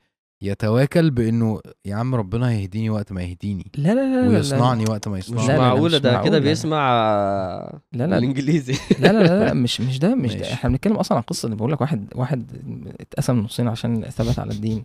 يبقى أنا هفهم منين إن ده نوع من التواكل؟ مم. بيقول إن إن إن الظروف ال- يعني اللي أنا عايز أقوله الرسالة إن الظروف اللي حواليك اللي ربنا سبحانه وتعالى بيحطك فيها وبيهيئك ولتصنع على عيني. أيوه. المواقف دي أنت لا تدري إن ممكن ربنا سبحانه وتعالى يستعملك جميل ربنا. يفتح عليك. بس اللي أنا الصحراء نقلوا. معلش لو أنا لو أنا فاهم غلط صحح لي بس عشان دي حاجة مهمة جدا بالنسبة لي دلوقتي. ربنا بيصنعك بس أنت بتوري ربنا سبحانه وتعالى منك إن أنت ده أكيد. أنا أنا يا رب أنا عايز من من ده. أيوه هو أنا لو اتفهم من كلامي إن معنى كده إن أنا مش هبذل الأسباب ومش هتوب ومش هصلي ومش عارف. لأ تمام هو ال- خلاص. قال تعالى ولا ينصرن الله ما ينصر. من ينصره. تمام. أنا أنا اللي كنت برد تنصروا الله عليه ينصركم. أنا اللي كنت برد عليه الشبهة المادية اللي عند البعض زي ما بالظبط بيقول إز هو كان متص إزاي أنا هنغلب القوة العظمى أيوة، مثلا. طب ما أنا بقى أو أو أنا أصلا بعمل إيه عشان أبقى أنا سبب في ده اللي- ده اللي بها سبب لازم يبقى عنده استعداد بش... يا عم أنا دلوقتي كفرد أنا بإيدي أعمل إيه؟ أقاطع؟ خلاص شوف قاطع سبحان الله صدق اللي أنا عايز أقوله يا أنا كأمة صدق. بإيدي أعمل إيه؟ آه، آه، أدعي؟ أدعي. صدق- آه، صدق. لحظة. آه. صدق لحظة. مم. ممكن تستعمل أيوة. بسبب. يعني وأعلى ده أمثلة. كان في ال- الرجل اللي كان في في جيش سيدنا سعد وكان آه، آه، كان اسمه أبو محجن الثقفي. آه آه آه ده الخير. كان كان آه، كان كان بي- بيشرب خمر. خمر. وكان ومثلا الرجل كان بيؤتى به إلى النبي صلى الله عليه وسلم. كان كان مدمن خمر. والصحابي اللي, اللي انت كنت حكيت لنا قصة خليني اللي دخل خليني آه. أقول لك والله أنا مش بيأثر فيا في في الحتة دي بالذات زي أبو سفيان. أبو سفيان أصلا أغلب كلامنا عنه إن هو بيقاتل المسلمين وعلى الكفر وهو أصلا صحابي. سيدنا أبو سفيان فقد عينيه في سبيل الله. م. وكل واحدة في غزوة. ماشي؟ طب الأولانية إمتى بقى هي دي بتأثر فيا في الطائف. الطائف دي كانت بعد إسلامه بكام يوم؟ على طول بعد ال أقل من شهر. ماشي؟ وبعد كده أصلا ال- ال- ال- ال- اللي تسبب في إصابته بيحكي لأن هو أسلم معاك. فبيقول أنا اي تسببت في كذا كذا فذهب أبو سفيان بعينه للنبي صلى الله عليه وسلم. فقال رسول الله هذه عيني ذهبت في سبيل الله. فقال رسول الله إن شئت دعوت الله لك فرد وإن شئت صبرت فلك الجنة. فقال الجنة. أنا مش متخيل إزاي قلب أبو سفيان ممكن يوصل للمرحلة دي. مم. يعني مع يعني أنا والله بتكلم بجد أنا ما كنتش فاهم. وذهبت في سبيل الله وصورت لك الجنة. هو ينفع ربنا يغير قلبي للدرجة دي؟ أه ينفع. وفي الوقت الزمني اللي ما أنا مستني بقى تربية 13 سنة وك... هو ربنا سبحانه وتعالى يعني دي سنته ودي قدرته. فأنا أبو سفيان بي- بالنسبة لي حاجة مبهرة. ف والعين التانية في معركة القادسية. وليه خطاب شهير جدا في إنه إزاي بيثبت المسلمين. و طيب ده بيجي إزاي؟ أنا ما بقول لك أنا بعمل اللي عليا. أيوه. وده بيجي إزاي؟ آه. ده ربنا سبحانه وتعالى هو اللي بي- بيفتح ده. كويس لازم بس نبقى أعمل اللي عليا آه من غير ما أقعد أفكر. لا يعقل ان ابو سفيان اجتهد في عبادة كام يوم من من غير ما أفكر في. أسباب لا ما هو الأسباب هي اللي عليا من غير ما أفكر في؟ من غير ما أفكر في في إنه إزاي آه في المعادلة العقلية بقى اللي هي آه. واحد زي واحد يساوي اتنين لا بالظبط لا لا لأن هم في بدر كانوا تلت الجيش بيتح- 300 على 1000 ومعاهم فارسين ومعاهم حصانين فده اللي علينا آه ده اللي نقدر نعمله. أوكي. خلاص بقى ما حلو. خش. موضوع أمر ربنا اسمه بين يعني. التخطيط إن أنا أخطط لمعركة وابذل الأسباب المتاحة وفرق بين بقى ال... ال... إن النصر يأتي من عند الله سبحانه وتعالى وده إن شاء الله ممكن في مرة تانية نبقى ن- كويس آه أوي. ماشي. نتطرق ليه والخطوات العملية وهنعمل إيه وكده. طيب. آه إحنا وقفنا فين؟ لما إحنا نشروا. خلاص آه آه ال... ال... ال... الجليس قتل. آه، بعد الراهب. وبعدين آه، بدأ آه، يحاول قتل الغلام. فأمر أن الغلام يؤخذ مع جماعة من من الجنود. قال صعدوا به إلى جبل كذا فلما توصلوا إلى قمة الجبل ذروة الجبل إيه، فإن رجع عن ديني وإلا فطرحوه. يعني يرموه من فوق من قمة الجبل يعني. أو عشان هو في الطريق يخاف يراجع نفسه أو إن الحادثة يعني تطلع زي يعني خلاص يعني ده هو طلع وقع من على الجبل. فالغلام قال اللهم اكفنيهم بما شئت فرجفا بهم الجبل فسقطوا جميعا وعاد يمشي إلى الملك. جاء يمشي إلى الملك. إنه في في معركة معركة البيان. وده من صور النصر إن النصر إما يكون نصر في معركة البيان أو نصر في معركة ال- السنان السيف. فالأنبياء كما قال تعالى إنا لننصر رسلنا والذين آمنوا في الحياة الدنيا ويوم يقوم الأشهاد. فمن صور آه، نصر الرسل النصر في معركة البيان. ممكن الرسل ممكن الرسول يقتل. زي يحيى وزكريا. مم. ممكن الرسول يرمى في النار يوقذ في النار زي إبراهيم عليه السلام ويطرد. يسجن زي سيدنا يوسف. وزي يوسف عليه السلام. لكن ال ال من صور النصر النصر في معركة البيان بيان الحق. مم. كويس آه ما يعني عايزين حلو يعني احفظ احف- احتفظ بالكلمة آه لا لا لا. لا لسه عايزين آه. نتكلم على آه حقيقة النصر وصوري بس يعني بس لسه دي- تفصيل دي آه. المرة مم. الجاية عشان بس بس دي يعني معاك. بس ببين طبعا طبعا مسألة ليه الغلام أو نتكلم رجع. دلوقتي أنا مش كمل. يعني يعني ليه الغلام رجع تاني للملك جاء آه. يمشي الملك فهمت قصدك هو كان مجموح يقول لك طب ما. هو حاول يقتلك ما تهرب ما تهرب مم. وده الحكمة كويس لا طب أنا دلوقتي أنا دلوقتي عايز أبين للناس. الحق. عايز النصر لو أنا الباقي. هربت مم. إلا فين النصر كويس ف... فالغلام رجع فالملك قال ما فعل أصحابك قال كفانيهم الله مم. فالمهم آه، آه، قال طيب يمكن أهل الباطل بقى يفكروا طب يمكن هي المشكلة في الجبل طيب يبقى أنا أر- أحطه في البحر مم. فدفعه في نفر يعني من الجنود فقالوا خدوا مركب قرقور مم. توسطوا به البحر مم. يعني مش مثلا شوية كده حد ما يبقاش فيه طول مثلا ويرموه لأ. أيوه أيوه. ده بيبين تعلق أهل إيه؟ بالأسباب. إحنا هنجيب دبابة اللي مش عارف شكلها في. الآخر إيه. برضه هيجي واحد يحط على قنبلة أيوه. ويقول وما رميت اذ رميت ولكن الله رمى وجعلنا بين أيديهم سدا وبعدين مم. ويطلع ببنطلون ترنج أديداس مضروب وبشبشب ويطلع يفرقع الدبابة وينزل. فهو معتقد إن هي إيه؟ أيوه. أسباب. أيوة. فالغلام قال اللهم اكفني بما شئت. فانكفأت بهم. ورجع غرقوا كلهم. وعاد يمشي إلى الملك. وبعدين دخل عليه قال إنك لست بقاتلي. حتى تفعل ما أمرك به. آه، من الآخر مش هتعرف تموتني مم. فالغلاء الملك اللي هو بيدعي الربوبية قال وما ذاك مم. أعمل إيه قال آه، تجمع الناس في صعيد واحد مم. وأصلبني على جذع ثم خذ سهما من كنانتي. ثم ضع السهم في كبد القوس وده العلماء بيقولوا ده إمعانا في الذل آه، وهو طبيعي إن هو- هو طبيعي إن هو؟ يحط السهم أصلا في كبد القوس هو هيحطه فين يعني مم. يعني هو اللي, اللي بي... الرامي بيحط السهم في كبد القوس. وعايز يقول له ما تشغلش دماغك. كل كلمة هقولها لك دي أنت تنفذها بالحرف. ضع السهم في كبد القوس. ثم قل بسم الله رب الغلام. فإنك إن فعلت ذلك قتلتني. م. ففعلا الملك نفذ الخطة وجمع الناس وكده. هو خلاص هو الغلام عايز أصلا دي. هو عايز هدف الغلام إن الناس تسلم. فجمع نقطة الناس. نقطة آه نقطة مهمة. يعني لا أنا بس بأكد على اللي أنت قلته. هو دلوقتي الغلام بيرجع وبعد كده بيقول له تعمل إيه؟ مش عشان آه، أنا ما أموتش.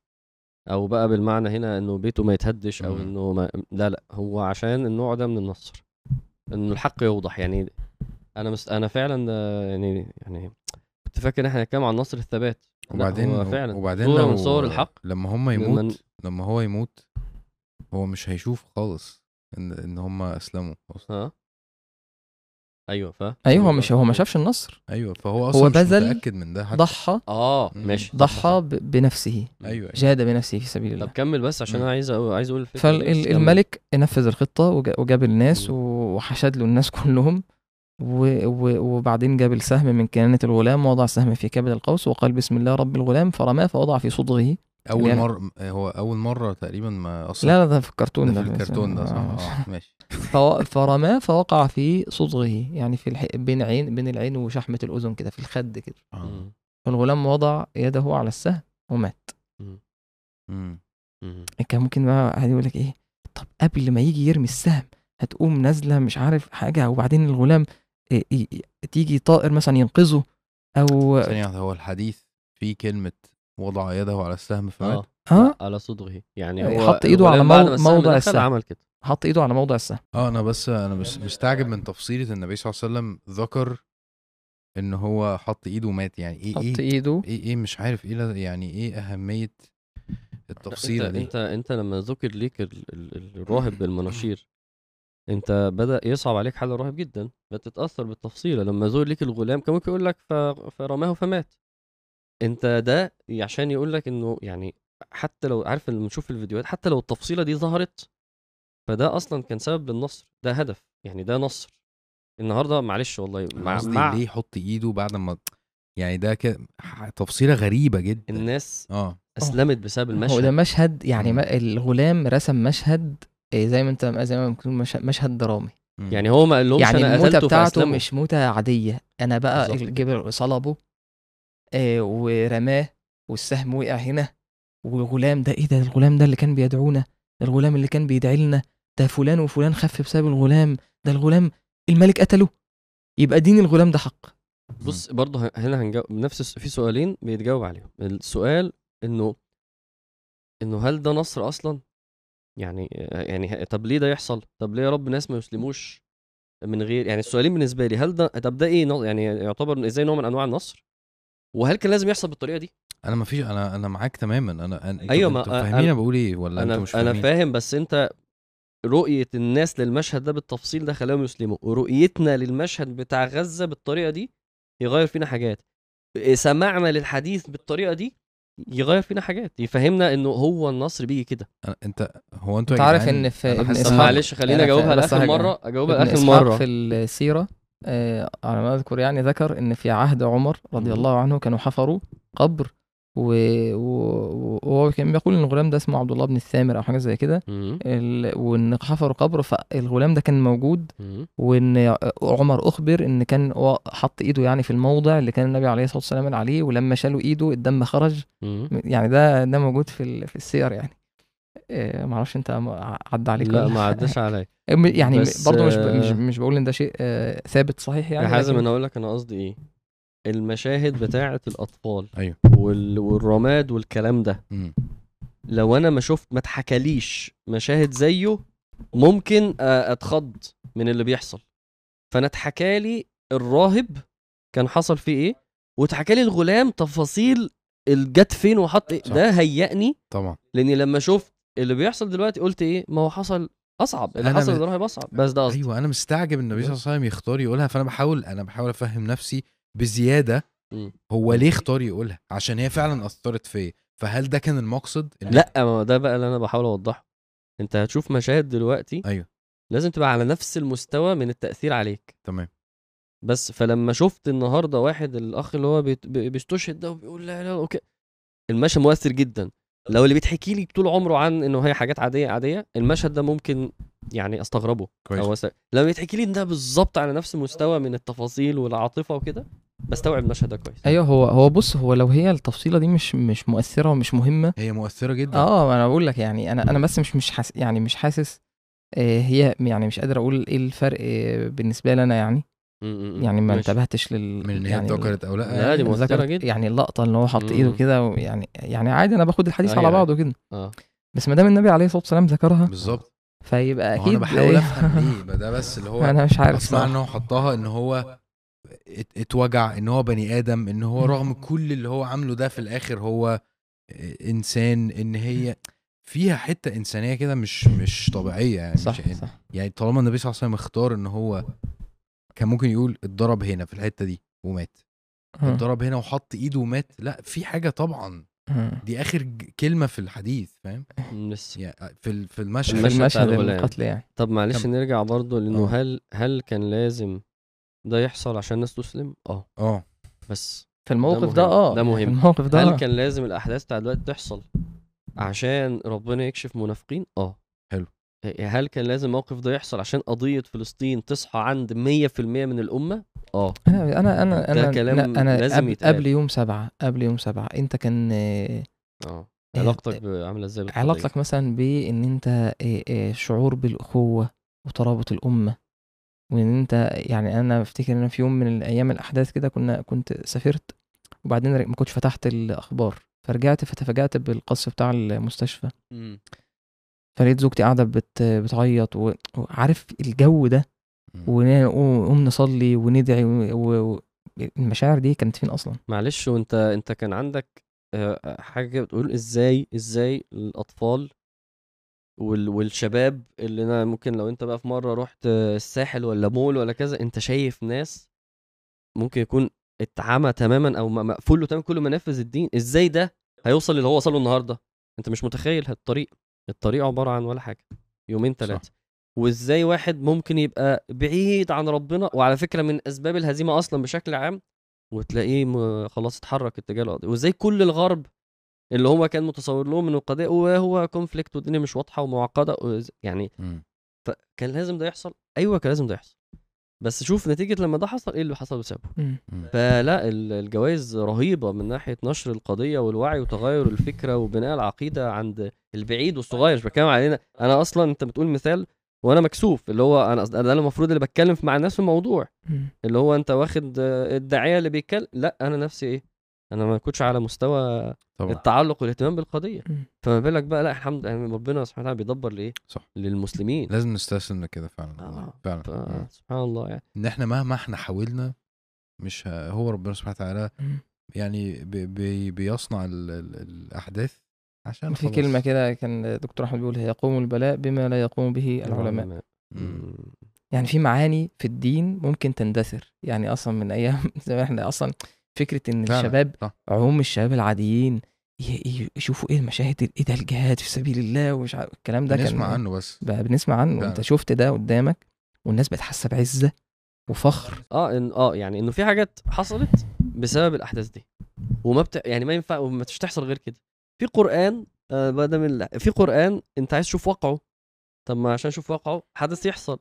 أنا من الحاجات اللي عجبتني جدا في موضوع الاسرى ده اللي هو إيه لما الراجل كان بيأكل الست العجوزة دي وبعد كده حد حط الآية إيه ويطعمون الطعام على حبه مسكين طبعا. اسير أنا مش فاهم. هو اسيره دي كانت هتيجي إمتى في حياتي؟ م- مشهد نظري إنما في أحداث حصلت بسبب الأحداث دي أو. أو وقعت بسبب الأحداث دي. فس... ف مم. الله أعلم. الله أعلم حيث يجعل رسالته طيب. إن الغلام كمل مات. بقى. الختام الغلام آه. مات وبعدين مم. آه، الناس قالوا آمنا برب الغلام. الناس. كل ال- كل القرية يعني ال- عايز تخيل بس إحساس الملك. آمنا برب الغلام آمنا برب الغلام آمنا برب الغلام. طيب. فالجنود راحوا الملك قالوا أرأيت ما كنت تحذر؟ قد والله وقع حذرك نزل بك حذرك. اللي انت اللي أنت. كنت خايف منه حصل. قد آمن الناس مم. الناس مم. فأمر بالأخاديد حفر يعني فحفرت يعني في أفواه السكك الطرق وقال من رجع عن دينه وإلا فاطرحوه أو قيل له اقتحم. يعني يا إما ارمي يا- نفسك. يا إما ارمي نفسك يا إما ترتد مم. عن الإسلام يا إما آه، تحرق بالنار مم. كل الناس رمت نفسها إلا مشهد النهاية نهاية الحديث. مم. وده سبحان الله ال- كأن دي الرسالة أهم حاجة النهائية. أهم حاجة التاج. سبحان الله. ال- المرأة معها الغلام تقاعست عشان رحمة. خايفة على الولد هترمي نفسها؟ آه أنا مؤمنة وثابتة. حديث إن هم كانوا أربعة. مم.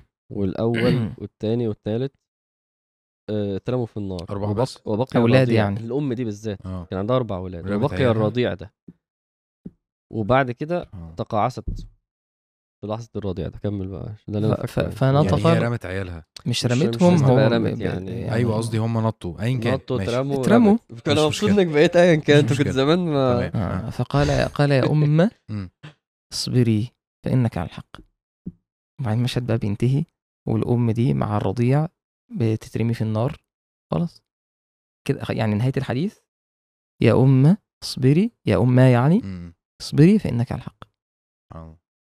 طب ده أنا هتقتل اصبري فإنك. على الحق أكتر الحاجات اللي بتعجب منها إيه رد فعل الصحابة الحديث خلص مم. إحنا دايما متعودين آه، فقال رجل أو فقيل له أو ف... أو فسألنا وكده الصحابه ساكتين هي الرساله وصلت وهو خلاص عارف الفكرة؟ بت إيه بتبروسيس كده. وبتنزل قعقيد آه، خلاص. محدش محدش سأل سؤال النبي صلى خلاص أنا مش محتاج أستدرك. أنا فهمت. وأصلا هم قاعدين يعني صفحة كاملة ولا صفحتين النبي بيحكي و... محدش بيتكلم. وهم قاعدين بيسمعوا. طب يعني عشان بس ده والله أنا حاسس إنه ده اللي ممكن ينغص علينا أو دي ال- فاهم دي التخشينة فاهم اللي إن أنا أستوعب ال- مم. الخير في اللي بيحصل ده إنه لا. تحسبوا شر لكم بل هو خير لكم إنه صورة النصر بالنسبة لنا هي المفروض تبقى صورة النصر المادي يعني مين اللي بيضرب مين مين اللي راح في جوه أرض مين ومين اللي مات ومين اللي ما ماتش صح. ده ده ده ده اللي مخلي الناس أصلا ده اللي يخليك تسأل هو ليه ربنا يعمل فيا كده هو لو أنا فاهم إنه اللي بيحصل ده نصر مبين وخير وما فيهوش أي حاجة وحشة وكلنا استفدنا حد هيسأل ليه ربنا بيعمل كده ما حدش هيستغرب. حد يفهم فين ربنا بيحصل ما هو هيبقى فاهم. فأنا بالنسبة لي أكتر حاجة متربنا الواحد على إن هو يعني. يتفهم الموضوع بطلاقة النصر المادي ما حصلش. بالصورة اللي أنا عايزها خلي بالك برضو لأن هو ماديا كنصر مادي. هو بالنسبة لإسرائيل النصر المادي إيه؟ إن هم يمشوا الناس كلها آه إن هو يقتل المقاومة ويحتل غزة. طب هل ده حصل؟ ما هو ما حصلش. بس كمان حتى الناس يعني بمنظور المادي لا سمح الله. هو لا سمح الله ان هو يحصل يعني. هو عايز آمين. هو عايز صورة واحدة هو حتى يعني يا ريتني بكلم واحد بالماديات بس هو مش قادر يستوعب إن أنت منتصر ماديا يعني وإنه ده مش هيكمل في الحكومة دي وإنه هو مفيش غير صورة واحدة عايزها. طب أصلا ليه هي دي الصورة الوحيدة اللي مسيطرة عليا؟ صح. ربنا في سوره الصف آه، هل أدلكم على تجارة تنجيكم من عذاب اليم ربنا بيتكلم عن إيه؟ الآخرة. بعد كده قالوا إيه؟ وأخرى تحبونها. نصر. من الله وفتح قريب. إنه إنا لننصر رسلنا والذين آمنوا في الحياة الدنيا ويوم يقوم الأشهاد يوم ينفع الظالمين معذرتهم ولهم اللعنة. ده كل ده كان على الآخر. فالنصر المادي أصلا هل هو الغاية الوحيدة؟ وهل هو الغاية الأولى؟ ال ال الكلام بقى إنه اصبري انك على الحق. وبعد كده بقى نيجي مع سورة البروج اللي إيه هو الفوز زي ما زي ما هنقول يعني دي. ده ده بالنسبة لي ده لو اتظبط ده ده خل- خلصت كده. الموضوع الحمد لله إيه خلاص إحنا متسقين مع العقيدة تماما. لأنه وأنت بقول لك انت دلوقتي لفت نظري ال- النصر كمان إيه من ناحية البيان. مش. مش مش الحياة وضحت لكل المسلمين. مش, يعني يعني ده ده ده مش نصر ليه؟ وليه ده مش نصر كافي؟ وبعدين الاستش... كمية الاستشهادات يعني يعني كنا بنتكلم عن عن الحديث بتاع الموت. مم. آه وإنه الملائكة لما بتيجي وبتاخد الروح وبعد كده الروح بتطلع. والملائكه بي... بيقولوا آه ما هذه النفس الطيبة أو الروح الطيبة و... مم. ومستغربين مين ده؟ مين اللي قاعد بيطلع ده؟ ف... فأنا قاعد بتخيل إنه فجأة 500 600 واحد بيموتوا مم. كل الأنفس دي بتطلع فجأة والملائكه قاعدين إيه ده؟ إيه كل الناس؟ إيه اللي مش عارف إيه؟ ما ده نصر. يعني ده واحد اختباره في الحياة. كان زي ما إحنا كنا بنتخيل اللي هو ينال الشهادة. فخلاص هو ده نصر انت ويتخذ منكم شهداء بس انت ف... آه. فاحنا ليه مش شايفين ده فعلا عشان عشان بقول لك انت في صورة دي اللي واقف عليها مع ان النبي صلى الله عليه وسلم ما, ما, ما. كانش هدفه الصورة دي مم. النبي صلى الله عليه وسلم أصلا مات و... و... والقدس مش معاه عادي يعني الأقصى في سنة تقريبا 16 بعد يعني ما سيدنا عمر أصلا مم. حتى مش سيدنا أبو بكر في 16 أو 18 هجري فاللي هو ليه إحنا فاهمين حقيقة النصر غلط فسبحان الله السورة الحديث ده يوضح إنه النصر هنا حاجتين الواحد دلوقتي دي صوره اللي زي ما أنت مم. قلت أول حاجة الوضوح والبيان إنه الحق يظهر وده في سورة برضو إيه الأنفال إنه وتودون أن غير ذات الشوكة تكون لكم ويريد الله يحق, يحق الحق بكلماته. طب يا رب افرض متنا كلنا يحق الحق هو ده مم. هو إنه الحق يظهر يوم الفرقان آه إنه الحق يظهر ده نصر وغاية وحي يعني ممكن تبقى لوحدها كده طب آه، والناحية التانية الثبات. مم. الثبات إنه الواحد أنت خلصت الابتلاء ثابت مش خلصت الابتلاء عايش. خلصت الابتلاء ثابت. طب متقطع نصين زي الراهب نصر. طب بالسهم زي الغلام نصر. طب م- متشحم زي الناس نصر. فإذا أو أو أو ملك. يجي لك من السماء زي المشهد الرجل اللي اثر العباس. يعني آه. جاي. حديث جميل جدا. يعني الراجل الراجل آه، العباس كان جسيم ضخم, ضخم. يعني مم. وصحابي عادي يعني مش يعني جسمه مش مش قد العباس يعني رضي الله عنه مم. وجاي بيقول أنا أثرته يا رسول الله قال قال العباس قال والله ما هذا أثرني مش ده اللي أثرني فيقول له أنا اللي أثرته فقال قال النبي عليه الصلاة والسلام أسكت فإنما أعانك عليه ملك. هو العباس يقول لا اللي أثرني واحد صفته كذا. وكان على فرس مش عارف عن هو يقول له أنا اللي أثرته أسكت أنا مش. فاهم هو الملك ليه هيأسر هيساعد في ده مش مش فاهم نصر تأييد ربنا. تأييد ملائكة تأييد في غزوة بدر ي- ال- ال- العباس هو اللي كان ج- العباس كان. كافر ساعتها كان في كان مع الكفار آه. آه مم. آه، أوكي ف فعشان بس إيه ال- ال- التربنه اللي حصلت دلوقتي هي إنه في 11000 واحد ماتوا لا في 11000 واحد انتصروا.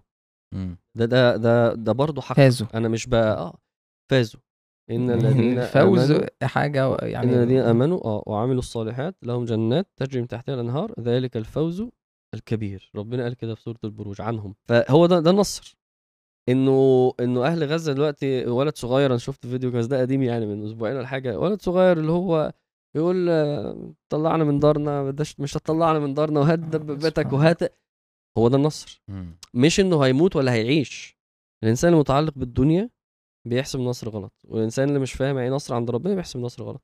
دول 11000 واحد دلوقتي من 5000 طفل دول معلقين حول العرش. دول بي- بي- بيطوفوا في الجنة. حقا. و- فعلا آه، يعني. بالظبط. كل اللي واقفين في غزة دلوقتي واللي واقفين في مستشفى دول ويقول إحنا مش هنمشي ومش هنتخلى. وقصفونا معاهم هو ده نصر. ده كده خلاص نصر. بعد بغض النظر هيقصفوا ولا لأ. فالإنسان لازم يوصل لده. يعني عشان بس نبقى برضه متصورين برضه هو أصل أنا برضه خايف كمان كام شهر نكتشف إنه إيه هم آه، آه، أبادوا المقاومة ودخلوا غزة وعملوا النصر المادي اللي هم بيدوروا عليه. في الحقيقة الله. ده, ده إن شاء الله لأ لأن هو إحنا عايزين برضه ده. بس هي دي إيه وأخرى آه، تحبونها أو تودون أن غير الشوك تكون لكم بس في الحقيقة لو 2 مليون واحد من أهل غزة استشهدوا ده نصر. لأن الحديث خلص ومفيش واحد اتبقى من البلد ده نصر. بس أنا لازم أستوعب إنه هو النصر هو الثبات. بيان الحق ثبات هو ومن جهة تانية هو حساب بقى الناس تانية. يعني يعني آه طبعا. يعني يعني إذا كان هو ده اصطفاء من ناحية ففي ناس تانية آه، هيبقى ليهم بقى ابتلاء الت... الابتلاء التاني الاختبار التاني النصرة والتخاذل والحاجات ده. وده أنا رأيي برضو إن إحنا يعني ممكن آه نأجل؟ آه، يعني لأن ده معنى مهم. ممكن حد مثلا إيه يفهم مثلا. لسه ما خلصناش. آه. يعني إحنا لسه معانا يعني آه يعني هننزل إحنا هنلتزم هو. ننزل حلقة كل. أسبوع. عشان إحنا محتاجين نكمل على الأفكار دي